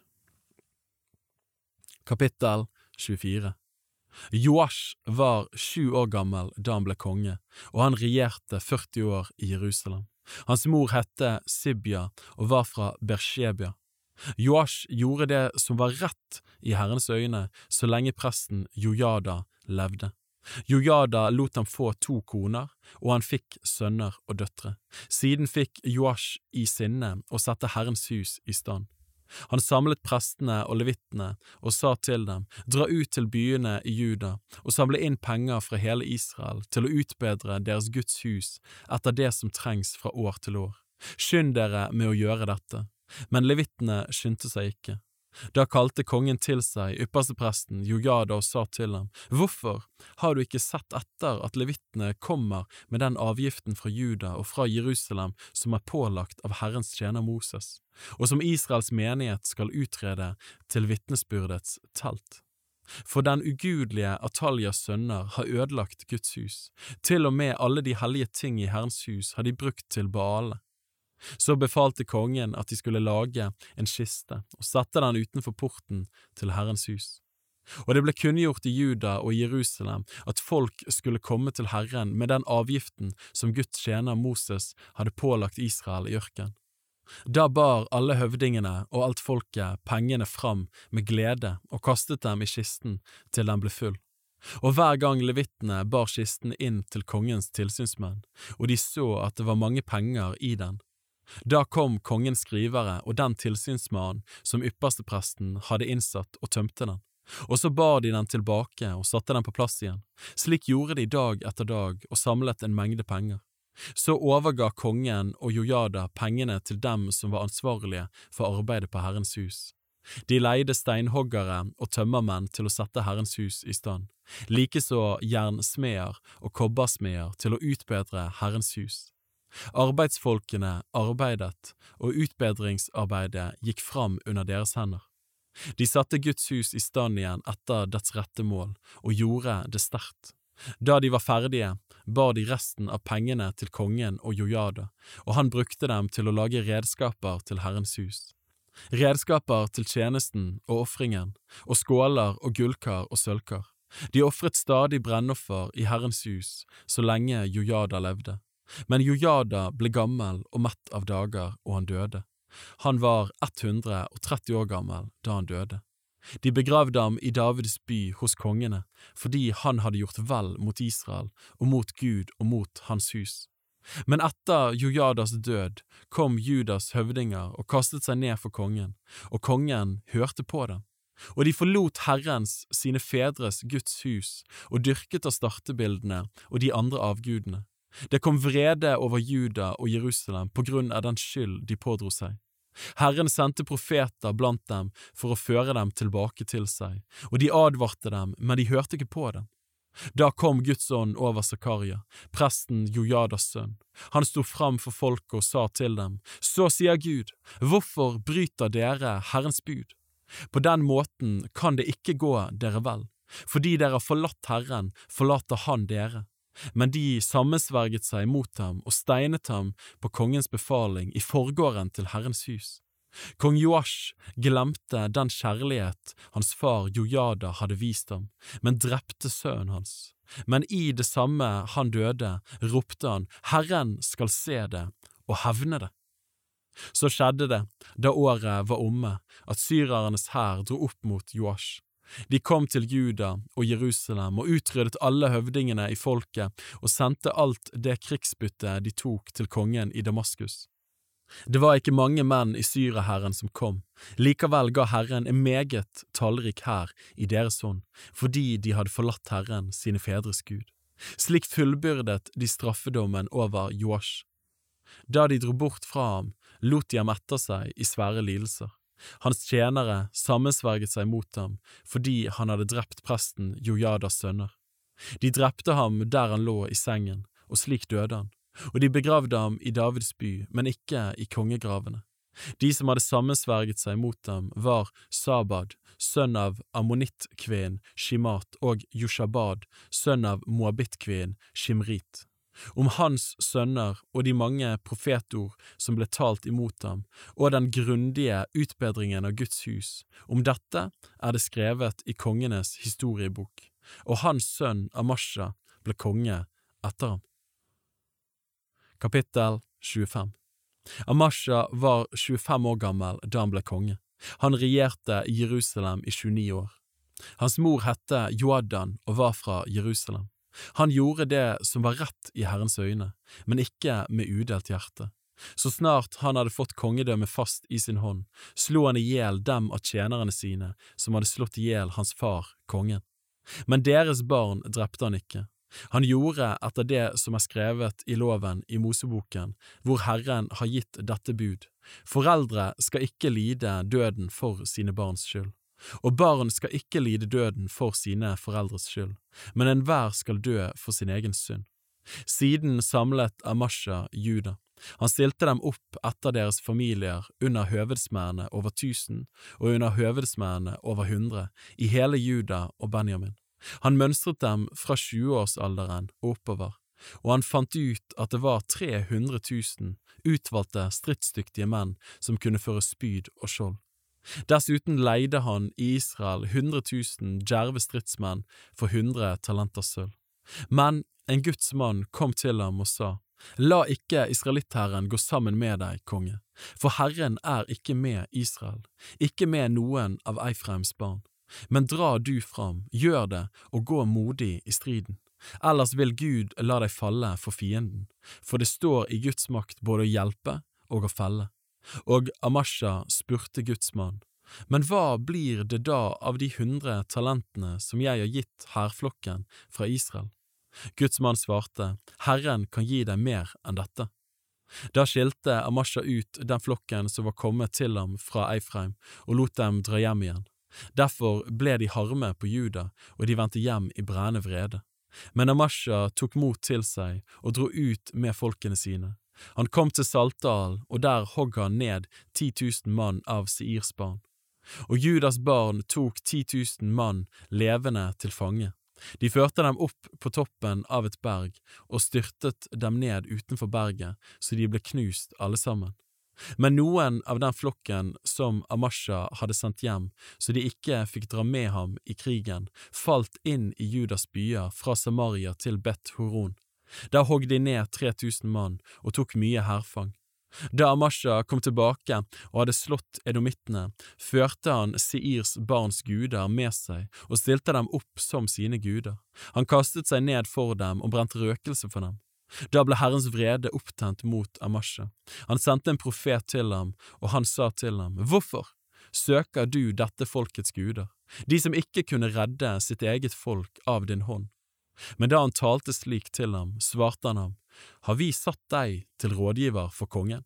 Hold opp med dette, hvorfor vil du endelig bli slått i hjel? Da holdt profeten opp, og han sa, Jeg vet at Gud har besluttet å ødelegge deg, siden du har gjort dette og ikke hørt på mitt råd. Men Judas konge Amasha holdt råd og sendte så bud til Israels konge Joash, sønn av Joakas, Jehus sønn, og sa, Kom, la oss prøve styrke med hverandre. Men Israels konge Joash sendte bud til Judas konge Amasha og svarte, Tornebusken på Libanon sendte bud til sederen på Libanon og sa, La min sønn få din datter til kone. Men de ville dyrene på Libanon kom farende og trampet ned tornebusken. Du tenker, jeg har slått Edom, og derfor er du blitt overmodig og vil vinne enda mer ære. Bli bare hjemme, Hvorfor vil du kalle ulykken ned over deg, så du går til grunne, både du og Juda med deg? Men Amasha hørte ikke på ham, det var Gud som styrte det slik. Han ville gi dem i fiendehånd fordi de hadde søkt Edoms guder. Da dro Israels konge Joash opp, og han og Judas konge Amasha prøvde styrke med hverandre ved Bet Shemesh, som hører til Juda. Og Judas menn ble slått av Israel. De flyktet hver til sitt hjem. Men Judas konge Amasha, sønn av Joash, Joakas sønn, ble tatt til fange av Israels konge Joash ved Bet Shemesh. Han førte ham til Jerusalem, og han rev ned et stykke av Jerusalems mur, fra Eifremporten til hjørneporten, 400 al. Han tok alt det gullet og sølvet og alle de karene som fantes i Guds hus hos Obed Edom. Likeså skattene i kongens hus, og dessuten gisle. Så vendte han tilbake til Samaria. Judas konge Amasha, Joashs sønn, levde 15 år etter at Israels konge Joash, Joakas sønn, var død. Det som ellers er å fortelle om Amasha, både i hans første og i hans senere dager, er skrevet i boken om Judas og Israels konger. Men fra den tid Amasha falt fra Herren, gjorde de en sammensvergelse mot ham i Jerusalem. Han flyktet til Lakish, men de sendte folk etter ham til Lakish, og de drepte ham der. Så kjørte de ham derfra med hester og begravde ham hos hans fedre i Judas by. Kapittel 26 Hele Judas folk tok og gjorde Ussia, som da var 16 år gammel, til konge etter hans far Amasha. Han gjorde Eilat til en befestet by og vant den tilbake til Juda etter at kongen hadde lagt seg til hvile hos sine fedre. Ussia var 16 år gammel da han ble konge. Han regjerte 52 år i Jerusalem. Hans mor hette Jekilja og var fra Jerusalem. Han gjorde det som var rett i Herrens øyne, slik som hans far Amasha hadde gjort. Han søkte Gud så lenge Zakaria levde, han som skjønte seg på Guds syner. Så lenge han søkte Herren, lot Gud det gå ham vel. Han dro ut og kjempet mot filistrene og rev ned bymuren i Gat og Jabne og Ashtod. Han bygde byer ved Ashtod og på andre steder i filistrenes land. Gud hjalp ham mot filistrene og mot de araberne som bodde i Gur Baal og mot meunittene, og ammonittene kom med gaver til Lucia. Hans navn nådde helt til Egypt, for han ble overmåte mektig. Ussia bygde tårn i Jerusalem ved hjørneporten og ved dalporten og ved vinkel, og på den måten gjorde han disse stedene faste og sterke. Han bygde også tårn i ørken og hogg ut mange brønner, for han hadde stor buskap både i lavlandet og på høysletten. Han hadde jordbrukere og vingårdsmenn på fjellet og i hagene, for jordbruket lå han på hjertet. Ussia hadde en krigsdyktig hær som dro ut i strid i flokker, mønstret og talt av statsskriveren Jeuel og tilsynsmannen Maaseia under ledelse av Hananya, en av kongens høvdinger. 2600 var det fulle tallet på de djerve stridsmennene som var familieoverhoder. Under dem sto en krigshær på 307 500 mann som gjorde krigstjeneste med kraft og mot, og som hjalp kongen mot fienden. Hele denne hæren utrustet Ussia med skjold og spyd og hjelmer og brynjer og buer og slyngesteiner. I Jerusalem fikk han laget krigsmaskiner som var oppfunnet av kloke menn. De skulle stilles opp på tårnet og murhjørnet til å skyte ut piler og store steiner.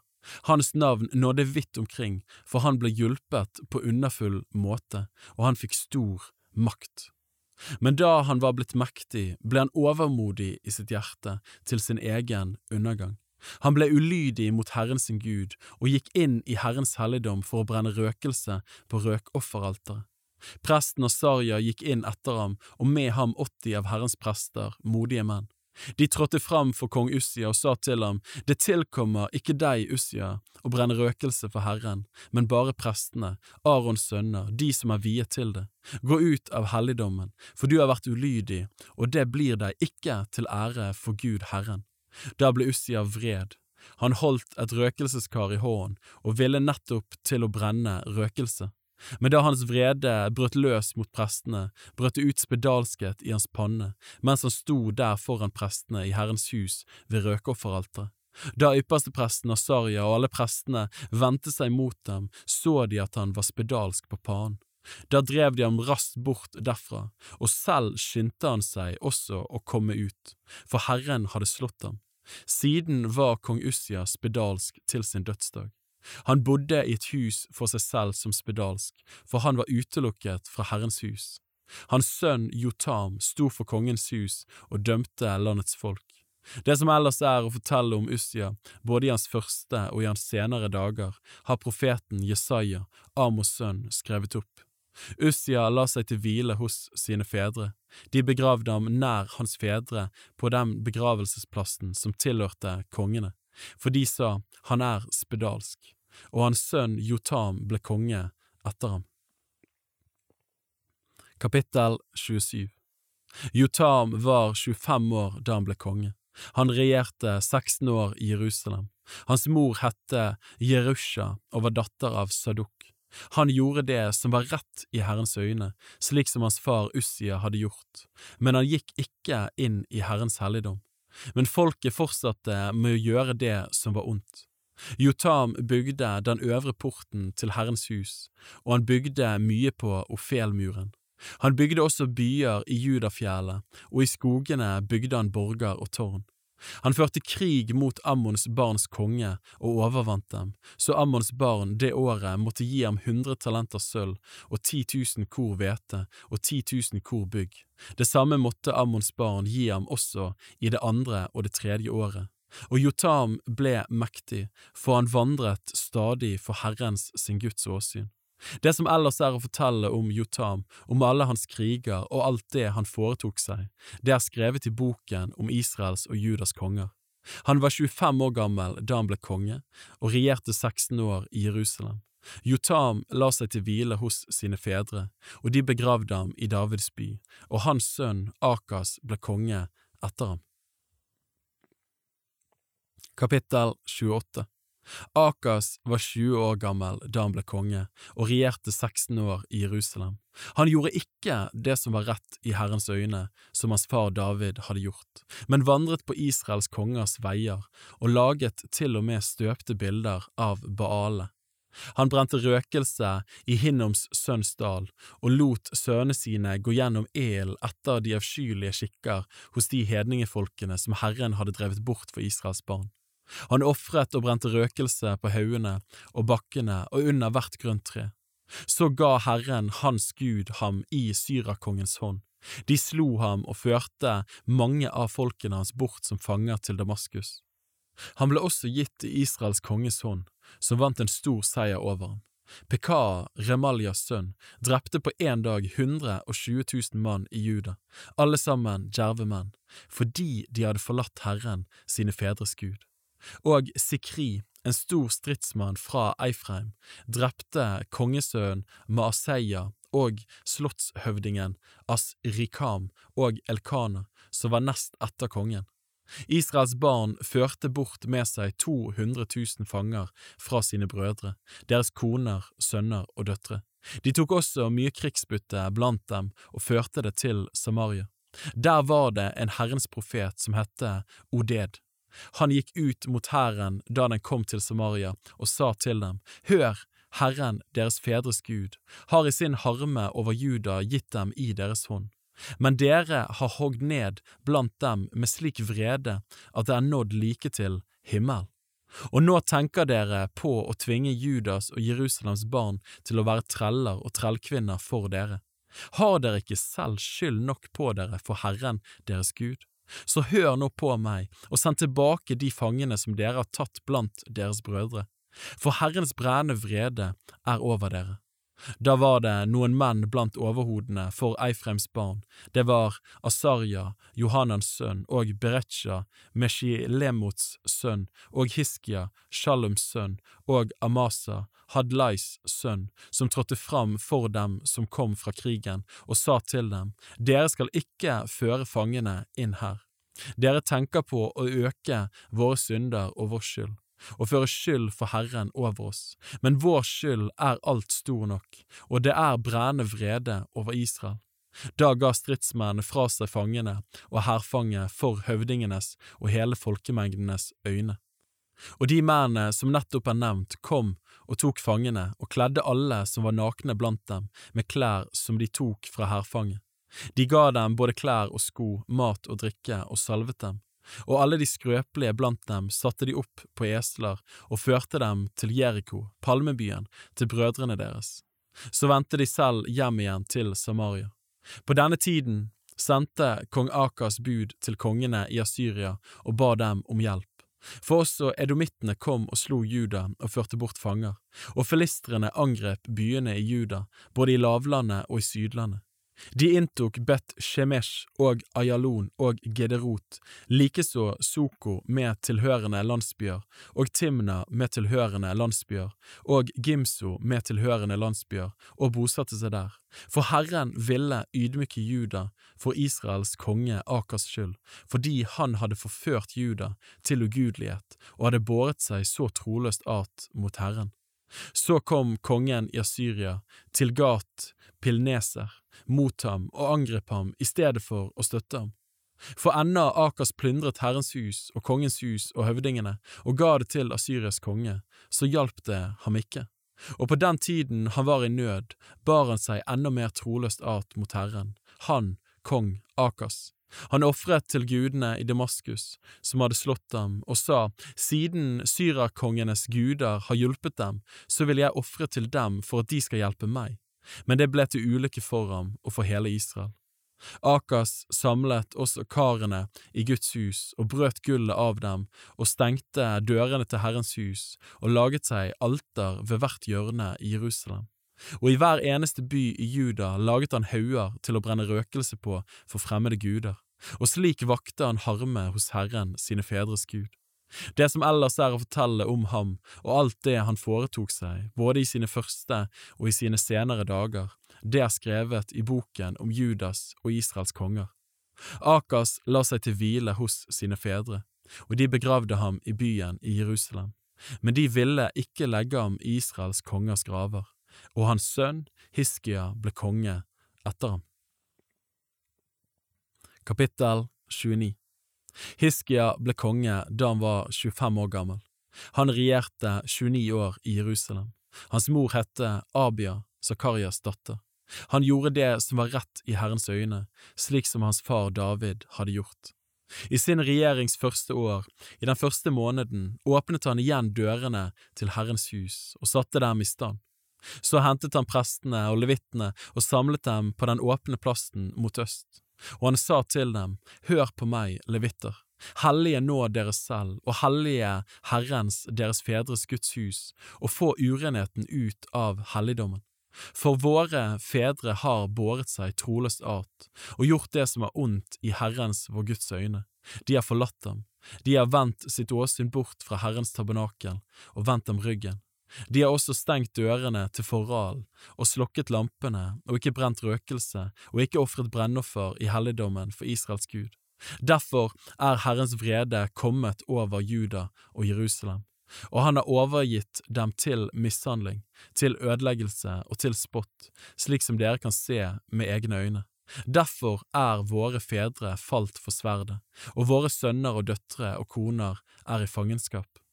Nå har jeg i sinne å slutte en pakt med Herren, Israels Gud, så hans brennende vrede kan vende seg bort fra oss. Mine sønner, nå må dere ikke være dovne. For dere har Herren utvalgt til å stå for hans åsyn og tjene ham, til å være hans tjenere og brenne røkelse for ham. Så tok da levittene fatt på arbeidet. Av kahatittenes barn var det Mahat, Amasais sønn, og Joel, Asarias sønn.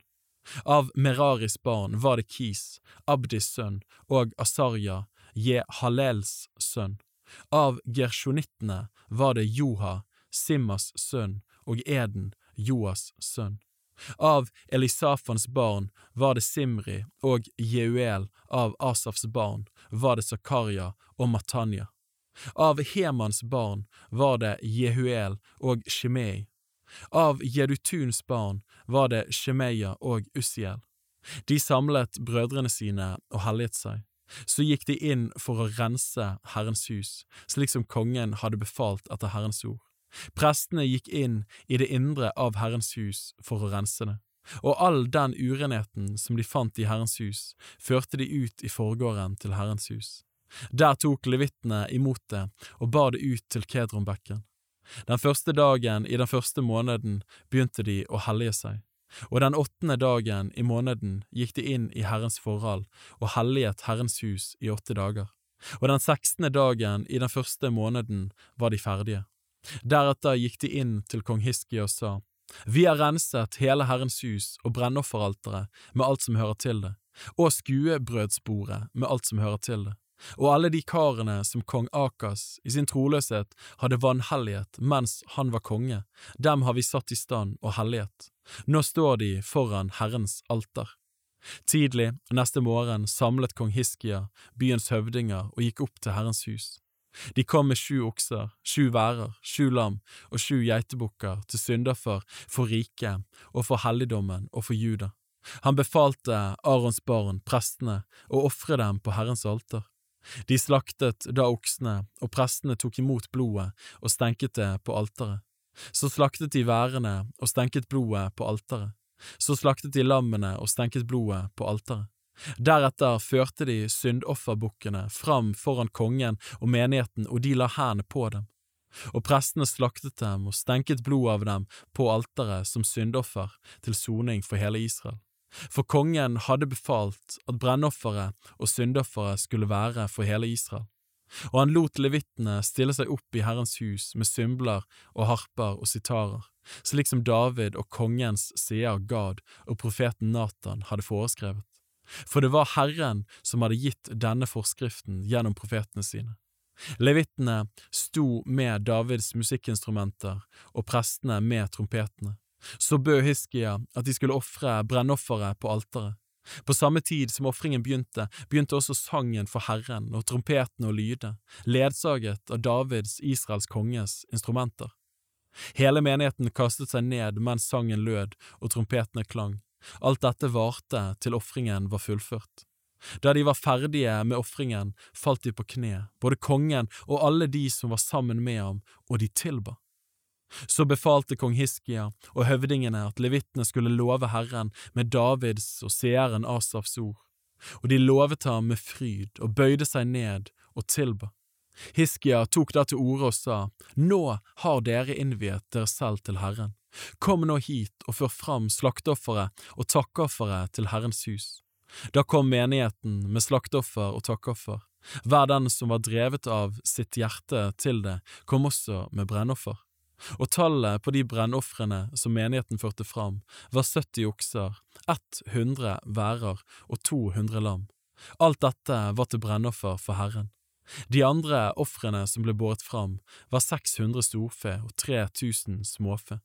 Det var ikke prester nok til å flå alle brennofrene, derfor fikk de hjelp av sine brødre levittene til arbeidet var ferdig, og til de andre prestene hadde helliget seg.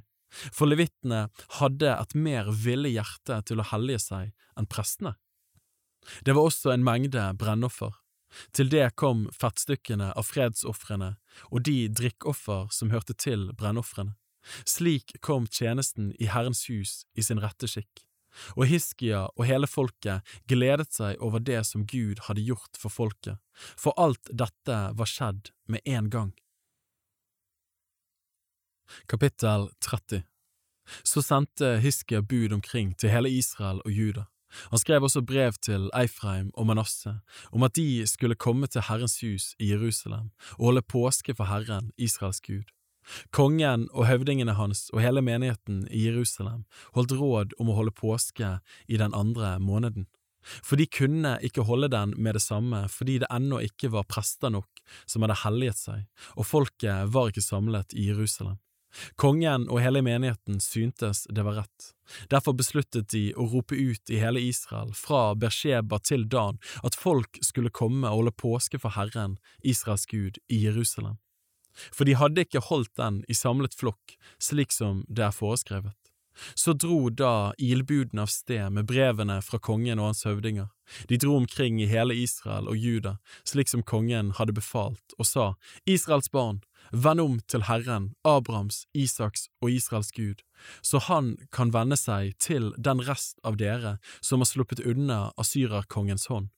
Vær ikke som deres fedre og deres brødre, som bar seg troløst at mot Herren, fedrenes Gud, så han overga dem til ødeleggelse, slik som dere selv ser.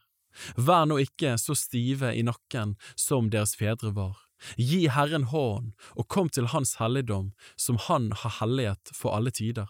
Skjen Herren deres Gud, så Hans brennende vrede må vende seg bort fra dere. For når dere vender om til Herren, da skal deres brødre og deres sønner finne barmhjertighet hos dem som holder dem fanget, og komme tilbake til dette landet.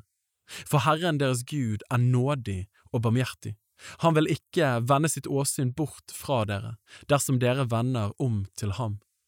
Ilbudene dro omkring fra by til by, i Eifreims og Manasses land og helt til Sebulon, men folk bare lo av dem og spottet dem.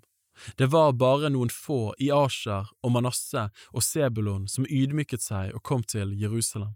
Også i Juda virket Guds hånd, så han ga dem et samdrektig sinn til å gjøre det som kongen og høvdingene hadde befalt etter Herrens ord. Mye folk samlet seg i Jerusalem for å holde de usyrede brøds høytid i den andre måneden. Det ble en meget stor forsamling. Først fikk de bort de altrene som fantes i Jerusalem, også alle røkelseskarene tok de bort og kastet dem i Kedronbekken. Så slaktet de påskelammet på den fjortende dagen i den andre måneden. Prestene og levittene ble gjort til skamme, så de helliget seg og førte fram brennoffer til Herrens hus. De stilte seg på sin plass, som det var foreskrevet dem, etter Guds mann Moselov, og prestene stenket blodet som levittene rakte dem, for det var mange i forsamlingen som ikke hadde helliget seg. Derfor utførte levittene slaktingen av påskelammene for alle dem som ikke var rene, så de kunne hellige dem for Herren. For en mengde av folket, mange fra Eifraim og Manasseh, Issakar og Sebulon, hadde ikke renset seg, men åt påskelammet uten å akte på det som var foreskrevet. Men Hiskia ba for dem og sa, Herren, som er god, vil tilgi hver den som har vendt seg av hele sitt hjerte til å søke Gud, Herren, sine fedres Gud, selv om han ikke er ren slik som helligdommen krever det. Og Herren bønnhørte Hiskia og helbredet folket. Slik holdt de av Israels barn som var til stede i Jerusalem, de usyrede brøds høytid i sju dager med stor glede. Prestene og levittene lovet Herren dag for dag, med instrumenter som priste Herrens makt. Hiskia talte vennlig til alle de levittene som hadde vist seg særlig dyktige i Herrens tjeneste. De åt høytidsofferet i sju dager og ofret fredsoffer og lovet Herren sine fedres Gud. Hele menigheten kom overens om å holde høytid i sju dager til. Så holdt de høytid med glede i de sju dagene. For Hiskia, Judas konge, ga menigheten tusen okser og sju tusen småfe, og høvdingene ga menigheten tusen okser og ti tusen småfe, og mange prester helliget seg. Hele Judas menighet gledet seg, og prestene og levittene og alle de som var kommet sammen fra Israel, og de fremmede som var kommet fra Israels land eller bodde i Juda. Det var stor glede i Jerusalem, for siden Israels konge Salomos, Davids sønns dager, hadde det ikke hendt noe slikt i Jerusalem. Og de levittiske prestene sto opp og velsignet folket. Deres røst ble hørt, og deres bønn nådde til himmelen, hans hellige bolig. Kapittel 31 Da de nå var ferdige med alt dette, dro alle de israelittene som var til stede, ut i byene i Juda. De knuste billedstøttene og hogg av startebildene i stykker og rev ned offerhaugene og altrene i hele Juda og Benjamin og i Eifreim og Manasseh, til det ikke var noe igjen av dem. Så vendte alle Israels barn hjem igjen til sine byer, hver til sin eiendom. Hiskia ordnet prestenes og levittenes skift, etter som de hørte til det ene eller det andre skiftet, så både prestene og levittene fikk hver sin særskilte tjeneste med å bære fram brennoffer og fredsoffer, og utføre gudstjenesten og å synge Herrens lov og pris i portene til hans leir. Det som kongen ga av sin eiendom, skulle brukes til brennofrene, morgenbrennoffer og kveldsbrennoffer, og brennofrene på sabbatene og nymånedagene og høytidene, slik som det står skrevet i Herrens lov. Og kongen befalte folket som bodde i Jerusalem, at de skulle gi prestene og levittene deres del, så de kunne holde fast ved Herrens lov. Da denne befalingen ble kjent, ga Israels barn førstegrøde i stor mengde, både av korn og most og olje og honning og av all annen grøde på marken. De kom med tiende av alt sammen i rikelig mengde. De av Israels og Judas barn som bodde i Judas byer, kom også med tiende av storfe og småfe og tiende av de hellige gaver som var hellige til Herren, deres Gud. De la dem opp haug ved haug. I den tredje måneden begynte de å hope opp haugene, og i den tjuende måneden ble de ferdige med det. Da Hiskia og høvdingene kom og så haugene, priste de Herren og hans folk Israel. Så Hiskia spurte prestene og levittene om haugene, svarte ypperstepresten Asarja av Sadoks hus. Siden de begynte å komme med gaver til Herrens hus, har vi fått ete oss mett og fått rikelig til overs. For Herren har velsignet sitt folk, så vi har fått hele denne rikdommen til overs. Da befalte Hiskia at det skulle innredes rom i Herrens hus. Da det var gjort, kom folket ærlig og redelig med førstegrøden og tienden og de hellige gavene og la dem inn der.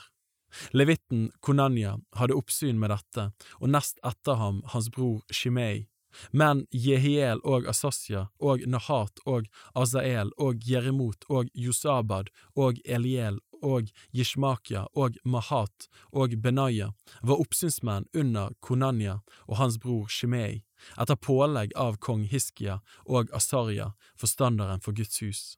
Levitten Kore, Jimnas sønn, som var dørvokter mot øst, hadde oppsynet med de frivillige gavene til Gud og skulle dele ut Herrens offergaver og de høyhellige gavene. Under ham sto Eden og Minyamin og Jeshua og Shemaya, Amarya og Shekanya. De skulle være tillitsmenn i prestenes byer. De skulle dele ut gavene til sine brødre etter deres skift, både til store og små, til alle av mannskjønn, fra treårsalderen og oppover, uten hensyn til deres etterlister, som kom til Herrens hus for hver dag for å få det de den dagen trengte under den tjenesten de hadde å utføre etter sine skift. Prestene var oppskrevet i listene etter sine familier, og levittene fra tjueårsalderen og oppover etter det de hadde å utføre i sine skift. De skulle også dele ut gavene til dem som var oppskrevet av deres små barn, koner, sønner og døtre, så mange som de var, for med troskap helliget de seg til tjenesten. For dem av Arons sønner, prestene som bodde på markene omkring sine byer, var det i hver by noen navngitte menn som skulle dele ut til alt mannskjønn blant prestene det som tilkom dem, likeså til alle dem av levittene som var oppskrevet i etterlistene. Slik gjorde Hiskia i hele Juda. Han gjorde det som var godt og rett og sant i Herrens, hans Guds øyne. Og alt det som han tok seg fore, enten det gjaldt tjenesten i Guds hus, eller det gjaldt loven og budet, det gjorde han av hele sitt hjerte, idet han søkte sin Gud, og det lyktes for ham. Kapittel 32 noen tid etter at Hiskia hadde utført dette og vist slik troskap, kom kongen i Asyria, Sankerib, og dro inn i Juda. Han slo leir ved de befestede byene og tenkte han skulle få dem i sin makt. Da Hiskia fikk vite at Sankerib var kommet og hadde i sinne å angripe Jerusalem, rådslo han med høvdingene sine og sine fremste stridsmenn om å stoppe til vannet i kildene utenfor byen. Og de hjalp ham, det samlet seg da mye folk, og de stoppet til alle kildene og den bekken som rant midt gjennom landet. For de sa, hvorfor skulle asyrerkongene komme og finne rikelig med vann? Så tok Hiskia mot til seg og bygde opp igjen hele den muren som var revet ned, og bygde tårn på den. Og utenfor bygde han en annen mur. Han befestet også Millo i Davids by og laget en mengde kastevåpen og skjold. Han satte krigshøvedsmenn over folket og samlet dem hos seg på plasser ved byporten og talte til dem for å sette mot i dem og sa, Vær frimodige og sterke, frykt ikke, og vær ikke redde for kongen i Asyria og hele den hæren han har med seg, for det er en større med oss enn med ham. Med ham er en arm av skjød, men med oss er Herren vår Gud. Han skal hjelpe oss å føre våre kriger og folket ble styrket av Hiskias, Judas konges ord. Deretter sendte kongen i Asyria, Sankerib, som selv lå foran Lakish med hele sin krigsmakt, sine tjenere til Jerusalem, til Judas konge Hiskia og til alle dem av Juda som var i Jerusalem, og sa, Så sier Sankerib, kongen i Asyria, hva er det dere stoler på, siden dere blir sittende innestengt i Jerusalem? Hiskia forfører dere bare for å la dere dø av hunger og tørst, når han sier Herren vår Gud skal redde oss av asyrerkongens hånd. Har ikke denne Hiskia tatt hans offerhauger og hans altre bort og sagt til Juda og Jerusalem, bare foran ett alter skal dere tilbe, og på det skal dere brenne røkelse? Vet dere ikke hva jeg har gjort, jeg og fedrene mine, med alle folkene rundt om i landet? Har vel de gudene som dyrkes av folkene rundt om i landet, maktet å redde sine land av min hånd? Hvem av alle gudene hos disse folkene som fedrene mine har utryddet, er det som har maktet å redde folket sitt av min hånd? Og så skulle deres Gud makte å redde dere av min hånd? Så la nå ikke Hiskia få narret dere, la ham ikke forføre dere på denne måten. Tro ham ikke, for ingen gud hos noe folk eller rike har maktet å redde sitt folk av min hånd eller av mine fedres hånd. Hvor meget mindre vil da deres guder kunne redde dere av min hånd? Og enda flere ord talte hans tjenere mot Gud Herren og mot hans tjener Hiskia. Han skrev også et brev for å håne Herren, Israels Gud, og tale mot ham. I det sto det, like lite som folkenes guder rundt om i landet har reddet sine folk av min hånd, like lite skal Hiskias Gud redde sitt folk av min hånd. Og de ropte med høy røst på jødisk til folket i Jerusalem som sto på muren, for å skremme dem og ta motet fra dem så de kunne innta byen. De talte om Jerusalems Gud på samme måten som om folkenes guder på jorden, de som er et verk av menneskehender. Da kong Hiskia og profeten Jesaja, Amos' sønn, hørte dette, ba de og ropte til himmel, Og Herren sendte en engel som tilintetgjorde alle de djerve stridsmenn og fyrstene og høvedsmennene i Asyrakongens leir. Så måtte han med skam vende tilbake til landet sitt. Og da han en gang gikk inn i sin Guds hus, kom noen av hans egne sønner og hogg ham ned der med sverd. Slik frelste Herren Hiskia og Jerusalems innbyggere av Asyrakongen Sankeribs hånd og av alle andre fienders hånd, og vernet dem til alle sider. Det var mange som kom til Jerusalem med gaver til Herren og med kostbare ting til Judas konge Hiskia. Etter dette ble han høyt æret blant alle folk. Ved denne tiden ble Hiskia dødssyk, da ba han til Herren, og Herren svarte ham og ga ham et underfullt tegn. Men Hiskia gjengjeldte ikke den velgjerning som var vist ham. Han ble overmodig i sitt hjerte, og det kom vrede over ham og over Juda og Jerusalem. Da ydmyket Hiskia seg, fordi han hadde vært overmodig i sitt hjerte. Det samme gjorde Jerusalems innbyggere. Derfor kom Herrens vrede ikke over dem så lenge Hiskia levde. Hiskia hadde overmåte stor rikdom og ære. Han laget seg skattkamre hvor han gjemte sølv og gull og edelsteiner og krydderier og skjold og alle slags kostbare ting. Og han laget seg forrådshus for det som ble avlet av korn og most og olje, og fjøs for all slags fe, og han la seg til buskap for fjøsene sine. Likeså bygde han byer, og han fikk seg en mengde med småfe og storfe, for Gud hadde gitt ham over måte mye gods. Det var også Hiskia som stoppet til det øvre utløp av Gihonvannet og ledet det ned vest for Davids by. I alt det han tok seg fore, hadde han lykke med seg. Men da sendemennene kom fra Babels fyrster, som sendte bud til ham for å spørre om det underfulle tegn som var skjedd i landet, forlot Gud ham for å sette ham på prøve og for å kjenne hva som var i hans hjerte.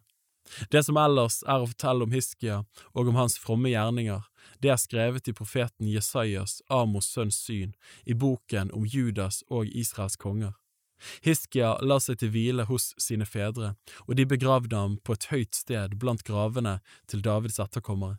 Hele Juda og Jerusalems innbyggere viste ham stor ære ved hans død, og hans sønn Manasseh ble konge etter ham. Kapittel 33 Manasseh var tolv år gammel da han ble konge. Han regjerte 55 år i Jerusalem. Han gjorde det som var ondt i Herrens øyne, og fulgte de avskyelige skikkene hos de hedningefolkene som Herren hadde drevet bort for Israels barn. Han bygde opp igjen de offerhaugene som hans far Hiskia hadde revet ned, og reiste altere for Bale og laget av startebilder. Han tilba hele himmels hær og dyrket den. Han bygde altre i Herrens hus, ennå Herren hadde sagt, I Jerusalem skal mitt navn bo til evig tid. Han bygde altre for hele himmels hær i begge forgårdene til Herrens hus. Han lot sønnene sine gå gjennom el i Hinnoms sønns dal, og han ga seg av med å spå av skyene og tyde varsler og drive trolldom. Han skaffet seg dødningemanere og spåmenn. Han gjorde mye som var ondt i Herrens øyne, så han vakte hans harme. Han satte det utskårne bildet som han hadde laget, i Guds hus, det huset Gud hadde talt om til David og hans sønn Salomo da han sa, I dette huset og i Jerusalem, som jeg har utvalgt blant alle Israels stammer, vil jeg la mitt navn bo til evig tid. Jeg vil ikke mer la Israel vandre hjemløst bort fra det landet jeg bestemte for deres fedre, så sant de bare gir akt på å gjøre alt det jeg har pålagt dem, etter hele den lov, de bud og de forskrifter de fikk gjennom Moses. Men Manasseh forførte Juda og Jerusalems innbyggere, så de gjorde enda mer ondt enn de hedningefolkene som Herren hadde utryddet for Israels barn. Herren talte til Manasseh og hans folk, men de aktet ikke på det. Derfor lot Herren Assyrakongens hærførere komme over dem. De fanget Manasseh med kroker og bandt ham med to kobberlenker og førte ham til Babel. Men da han var kommet i nød, bønnfalte han Herren sin Gud og ydmyket seg dypt for sine fedres Guds åsyn. Og da han ba til Herren, bønnhørte han ham. Herren hørte hans ydmyke begjæring og førte ham tilbake til Jerusalem, så han fikk sitt rike igjen. Da sannet Manasseh at Herren er Gud. Siden bygde han en ytre mur for Davids by, vest for Gihon, i dal og til inngangen gjennom fiskeporten, og lot den gå rundt omkring Ofel. Han gjorde den meget høy, og i alle de befestede byene i Juda innsatte han krigshøvedsmenn. Han tok bort de fremmede gudene og avgudsbildet fra Herrens hus og alle de altrene han hadde bygd på det berget hvor Herrens hus sto, og i Jerusalem, og kastet dem utenfor byen. Så satte han Herrens alter i stand og ofret fredsoffer og takkoffer på det. Han befalte Juda å tjene Herren, Israels Gud. Likevel ofret folk ennå på haugene, men bare til Herren sin Gud. Det som ellers er å fortelle om Manasseh og om hans bønn til sin Gud, og om de ordene som seerne talte til ham i Herrens Israels Guds navn, det er skrevet i Israels kongers krønike om hans bønn og bønnhørelse, om all hans synd og troløshet og de stedene hvor han bygde offerhauger og satte opp av startebilder, og de utskårne bildene, før han ydmyket seg. Om dette er det skrevet i Hosais krønike. Manasseh la seg til hvile hos sine fedre, og de begravde ham i hans hus, og hans sønn Amon ble konge etter ham. Amon var 22 år gammel da han ble konge, og han regjerte to år i Jerusalem. Han gjorde det som var ondt i Herrens øyne, slik som hans far Manasseh hadde gjort. Alle de utskårne bildene som hans far Manasseh hadde laget, dem ofret Amon til og dyrket dem. Men han ydmyket seg ikke for Herrens åsyn, som hans far Manasseh hadde gjort. Denne Amon bare økte sin syndeskyld. Hans tjenere sammensverget seg mot ham og drepte ham i hans hus. Men landets folk slo i hjel alle dem som hadde sammensverget seg mot Amon, og så gjorde de hans sønn Joshia til konge etter ham. Kapittel 34 Joshia var åtte år gammel da han ble konge. Han regjerte 31 år i Jerusalem. Han gjorde det som var rett i Herrens øyne, og vandret på sin far Davids veier. Han vek ikke av verken til høyre eller venstre. I det åttende året av sin regjering, da han ennå var en ungdom, begynte han å søke Davids, sin fars Gud, og i det tolvte året begynte han å rense Juda og Jerusalem for offerhaugene og astartebildene og de utskårne og støpte bildene. De rev ned baalenes altere mens han så på det, og solstøttene som sto oppå dem, hogg han i stykker. Astartebildene og de utskårne og støpte bildene slo han i stykker og knuste dem, og støvet av dem strødde han på gravene til folk som hadde ofret til dem. Prestenes ben brente han på deres egne altre. Slik renset han Juda og Jerusalem, og i Manasses og Eifreims og Simeons byer helt til Naftali, og på øde steder rundt omkring, rev han ned altrene og astartebildene. De utskårne bildene slo han i stykker og knuste dem, og alle solstøttene i hele Israels land hogg han ned. Så vendte han tilbake til Jerusalem. I det attende året av sin regjering, mens han holdt på å rense landet og Herrens hus, sendte han Shafan, Asaljas sønn, og byens høvedsmann Maseya og historieskriveren Joa, Joakas sønn, av sted for å sette i stand Herrens, hans Guds hus. Da de kom til ypperstepresten, Hilkia, ga de ham pengene som var kommet inn til Guds hus. De levittene som var vakter ved dørene, hadde samlet dem inn fra Manasseh og Eifreim og hele resten av Israel, og fra hele Juda og Benjamin og fra Jerusalems innbyggere. De overga dem til dem som foresto arbeidet og hadde tilsyn med Herrens hus, og de ga dem videre til dem som utførte arbeidet, de som hadde oppdrag i Herrens hus og skulle utbedre huset og sette det i stand. De ga det til tømmermennene og bygningsmennene til innkjøp av hogne steiner og tre til bindingsbjelkene og til å tømre opp igjen de bygningene som Judas konger hadde latt forfalle. Mennene arbeidet med troskap på verket. Noen av levittene var satt til å ha tilsyn med dem. Det var Jahat og Obadja av Meraris barn, og Zakaria og Meshulam av kaatittenes barn. Alle de levittene som forsto seg på musikkinstrumenter, var satt over bærerne og hadde tilsyn med alle arbeiderne ved hvert enkelt arbeid. Noen av levittene var også skrivere og oppsynsmenn og dørvakter. Da de nå tok ut de pengene som var kommet inn til Herrens hus, fant presten Hilkia boken med Herrens lov som var gitt ved Moses. Da tok Hilkia til orde og sa til statsskriveren Shafan, Jeg har funnet lovboken i Herrens hus, og Hilkia overga boken til Shafan. Shafan bar boken til kongen, og han ga med det samme melding til kongen og sa, Dine tjenere gjør alt som er dem pålagt. De har tømt ut de pengene som fantes i Herrens hus, og overgitt dem til tilsynsmennene og til dem som forestår arbeidet. Statsskriveren Shafan fortalte kongen at presten Hilkia hadde gitt ham en bok, og Shafan leste opp av den for kongen. Da kongen hørte lovens ord, flerret han klærne sine, og kongen bød Hilkia og Akikam, Shafans sønn, og Abdon, Mikas sønn, og statsskriveren Shafan og kongens tjener Asaya, gå og spør Herren for meg, og for dem som er blitt igjen i Israel og Juda, om det som står i den boken som nå er funnet. For stor er Herrens vrede som er utøst over oss, fordi våre fedre ikke har holdt Herrens ord og ikke gjort alt det som er skrevet i denne boken. Så gikk Hilkia og de andre som kongen sendte, til profeteen Hulda, ektefell til kleskammervokteren Shalum, sønn av Tokat, Kasras sønn. Hun bodde i Jerusalem, i den andre bydel, og de talte med henne slik som det var dem pålagt. Hun sa til dem, så sier Herren, Israels Gud, si til den mannen som har sendt dere til meg, så sier Herren, se, jeg fører ulykke over dette stedet og dets innbyggere.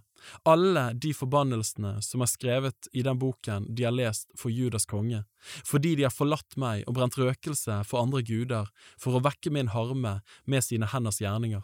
Min vrede skal utøses over dette stedet, og den skal ikke slokkes. Og til Judas konge som sendte dere for å spørre Herren, til ham skal dere si så.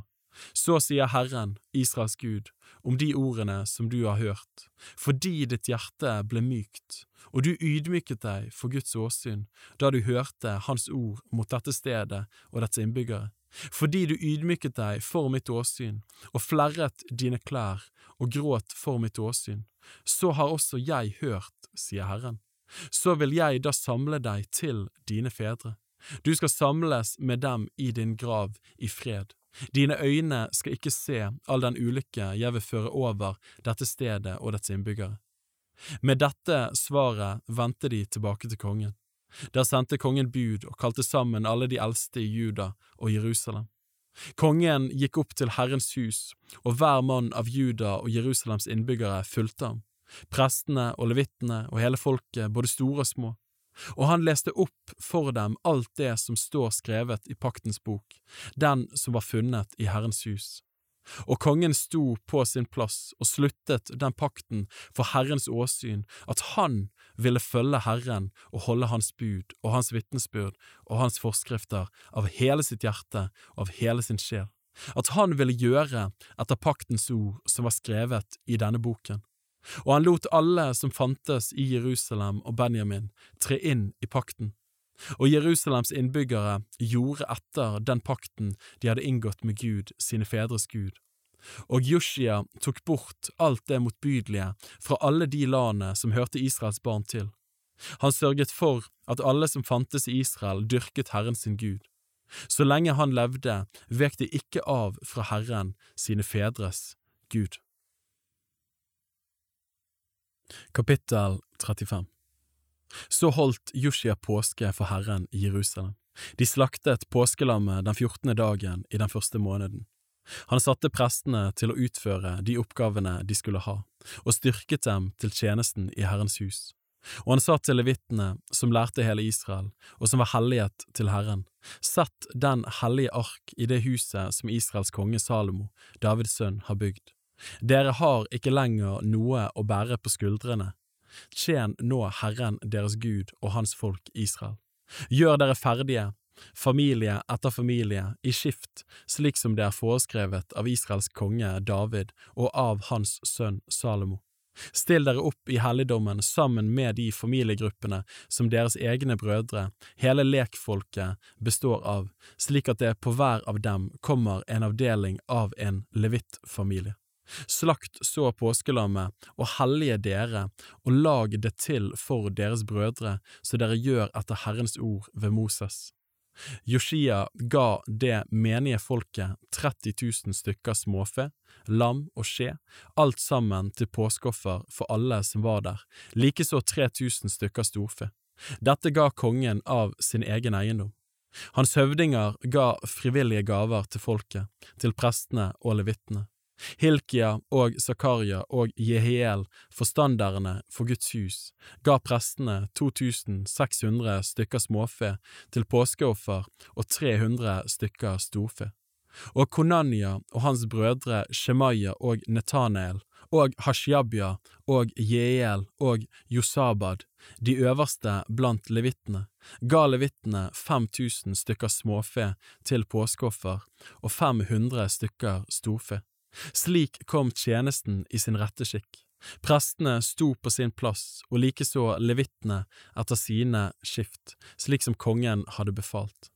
De slaktet påskelammene, og prestene stenket blodet som ble rakt dem, mens levittene flådde lammene. Så skilte de fra brennofferet og ga det til det menige folket etter deres familieavdelinger, så de kunne ofre det til Herren, slik som det er foreskrevet i Mosebok. På samme måten gjorde de også med storfe. Påskelammet stekte de over ild slik det var foreskrevet, og offerkjøttet kokte de i gryter, skjeler og panner, og skyndte seg å bære det ut til hele lekfolket. Så laget de det til for seg selv og for prestene. For prestene, Arons sønner, holdt på helt til om natten med å ofre fettstykkene av brennofferet. Derfor laget levittene det til for seg selv og for prestene, Arons sønner. Sangerne, Asafs sønner, sto på sin plass, slik som David og Asaf og Heman og kongens seer Jedutun hadde foreskrevet. Og dørvaktene sto hver ved sin port, de behøvde ikke å gå fra sin tjeneste, for deres brødre, de andre levittene, laget til for dem. Slik kom hele Herrens tjeneste denne dagen i sin rette skikk og de holdt påske og ofret brennoffer på Herrens alter, slik som kong Joshia hadde befalt. De av Israels barn som var til stede, holdt den gang påske og de usyrede brøds høytid i sju dager. En påske som denne var ikke blitt holdt i Israel siden profeten Samuels dager. Heller ikke noen av Israels konger hadde holdt en påske som den Joshia og prestene og levittene og hele Juda og de av Israel som var til stede og Jerusalems innbyggere nå holdt. Det var først i det attende året av Joshias regjering at en slik påske ble holdt. En tid etter at alt dette hadde gått for seg, og da Joshia hadde fått huset i stand, dro kongen i Egypt Neko opp for å kjempe ved Karkemis ved Eufrat, og Joshia dro ut mot dem. Da sendte Neko bud til ham og sa, Hva har jeg med deg å gjøre, Judas konge? Det er ikke mot deg jeg kommer i dag, men mot det kongehuset som jeg ligger i krig med. Og Gud har sagt at jeg skulle være snar. Hold opp med å stride mot Gud, han er med meg, ellers vil han ødelegge deg. Men Joshia ville ikke dra bort fra ham. Han forkledde seg og ville kjempe mot ham. Han hørte ikke på Nekos ord som kom fra Guds munn, men dro ut for å kjempe mot ham i Megiddodal. Men bueskytterne skjøt på kong Joshia, og kongen sa til tjenerne sine, Før meg bort, jeg er hardt såret. Hans tjenere bar ham da bort fra vognen og kjørte ham til Jerusalem på en annen av vognene hans. Der døde han og ble begravet i sine fedres graver. Og hele Juda og Jerusalem sørget over Joshia. Jeremia sang en klagesang over Joshia, og alle sangerne og sangeriene talte i sine klagesanger om Joshia, og det har de gjort til denne dag. Det ble en fast skikk i Israel å synge disse sangene, og de er nå skrevet ned blant klagesangene. Det som ellers er å fortelle om Joshia og om de fromme gjerningene han gjorde i lydighet mot det som er skrevet i Herrens lov, og det som er å fortelle om ham både i hans første og i hans senere dager, det er oppskrevet i boken om Israels og Judas konger. Kapittel 36 Landets folk tok Joakas, Joshias sønn, og gjorde ham til konge etter hans far i Jerusalem. Joakas var 23 år gammel da han ble konge, og han regjerte tre måneder i Jerusalem. Men kongen i Egypt avsatte ham, så han ikke lenger var konge i Jerusalem, og lot landet bøte hundre talenter sølv og én talent gull. Så gjorde kongen i Egypt Neko, hans bror Eliakim, til konge over Juda og Jerusalem, og forandret hans navn til Jojakim, men broren Joakas tok han med seg og førte ham til Egypt. Jojakim var 25 år gammel da han ble konge, og han regjerte elleve år i Jerusalem. Han gjorde det som var ondt i Herrens, hans Guds øyne. Kongen i Babel, Nebukaneser, dro opp mot ham og bandt ham med to kobberlenker for å føre ham til Babel. Nebukaneser førte også en del av karene i Herrens hus til Babel og satte dem i sitt tempel i Babel. Det som ellers er å fortelle om Joakim og om de avskyelige ting han gjorde, og hva ondt det ellers fantes hos ham, det er skrevet i boken om Israels og Judas konger, og hans sønn Joakim ble konge etter ham. Joakim var 18 år gammel da han ble konge, og han regjerte tre måneder og ti dager i Jerusalem. Han gjorde det som var ondt i Herrens øyne. Ved årsskiftet sendte kong Nebukaneser krigsfolk og førte dem til Babel. Sammen med ham bortførte de også de kostbare karene i Herrens hus, og han satte hans bror Sidkia til konge over Juda og Jerusalem. Sidkia var 21 år gammel da han ble konge, og han regjerte elleve år i Jerusalem. Han gjorde det som var ondt i Herrens, hans Guds øyne. Han ydmyket seg ikke for profeten Jeremia, han som talte ord fra Herrens munn. Han gjorde også opprør mot kong Nebukadneser, som hadde tatt ham i ed ved Gud. Han var hardnakket og forherdet sitt hjerte, så han ikke omvendte seg til Herren Israels Gud. Også alle prestene og folkets høvdinger syndet grovt og fulgte alle hedningefolkenes avskyelige skikker. De gjorde Herrens hus urent, det som han hadde helliget i Jerusalem. Herrens, deres fedres Gud, sendte sine ord til dem ved sine sendebud tidlig og sent, for han hadde medynk med sitt folk og over sin bolig. Men de spottet Guds sendebud og foraktet hans ord og hånte hans profeter, inntil Herrens vrede mot sitt folk ble så sterk at det ikke lenger var noen legedom. Da lot han kalderernes konge dra opp mot dem og han drepte deres unge menn med sverdet i deres hellige hus, og sparte verken unggutter eller jomfruer eller gamle og gråhårede, alle ga han i hans hånd. Alle karene i Guds hus, både store og små, og skattene i Herrens hus, både kongens og høvdingenes, alt førte han til Babel. De brente opp Guds hus og rev ned Jerusalems mur. Alle dets palasser brente de opp med ild, og alle de kostbare karene ble ødelagt. De som slapp unna sverdet, førte han som fanger til Babel.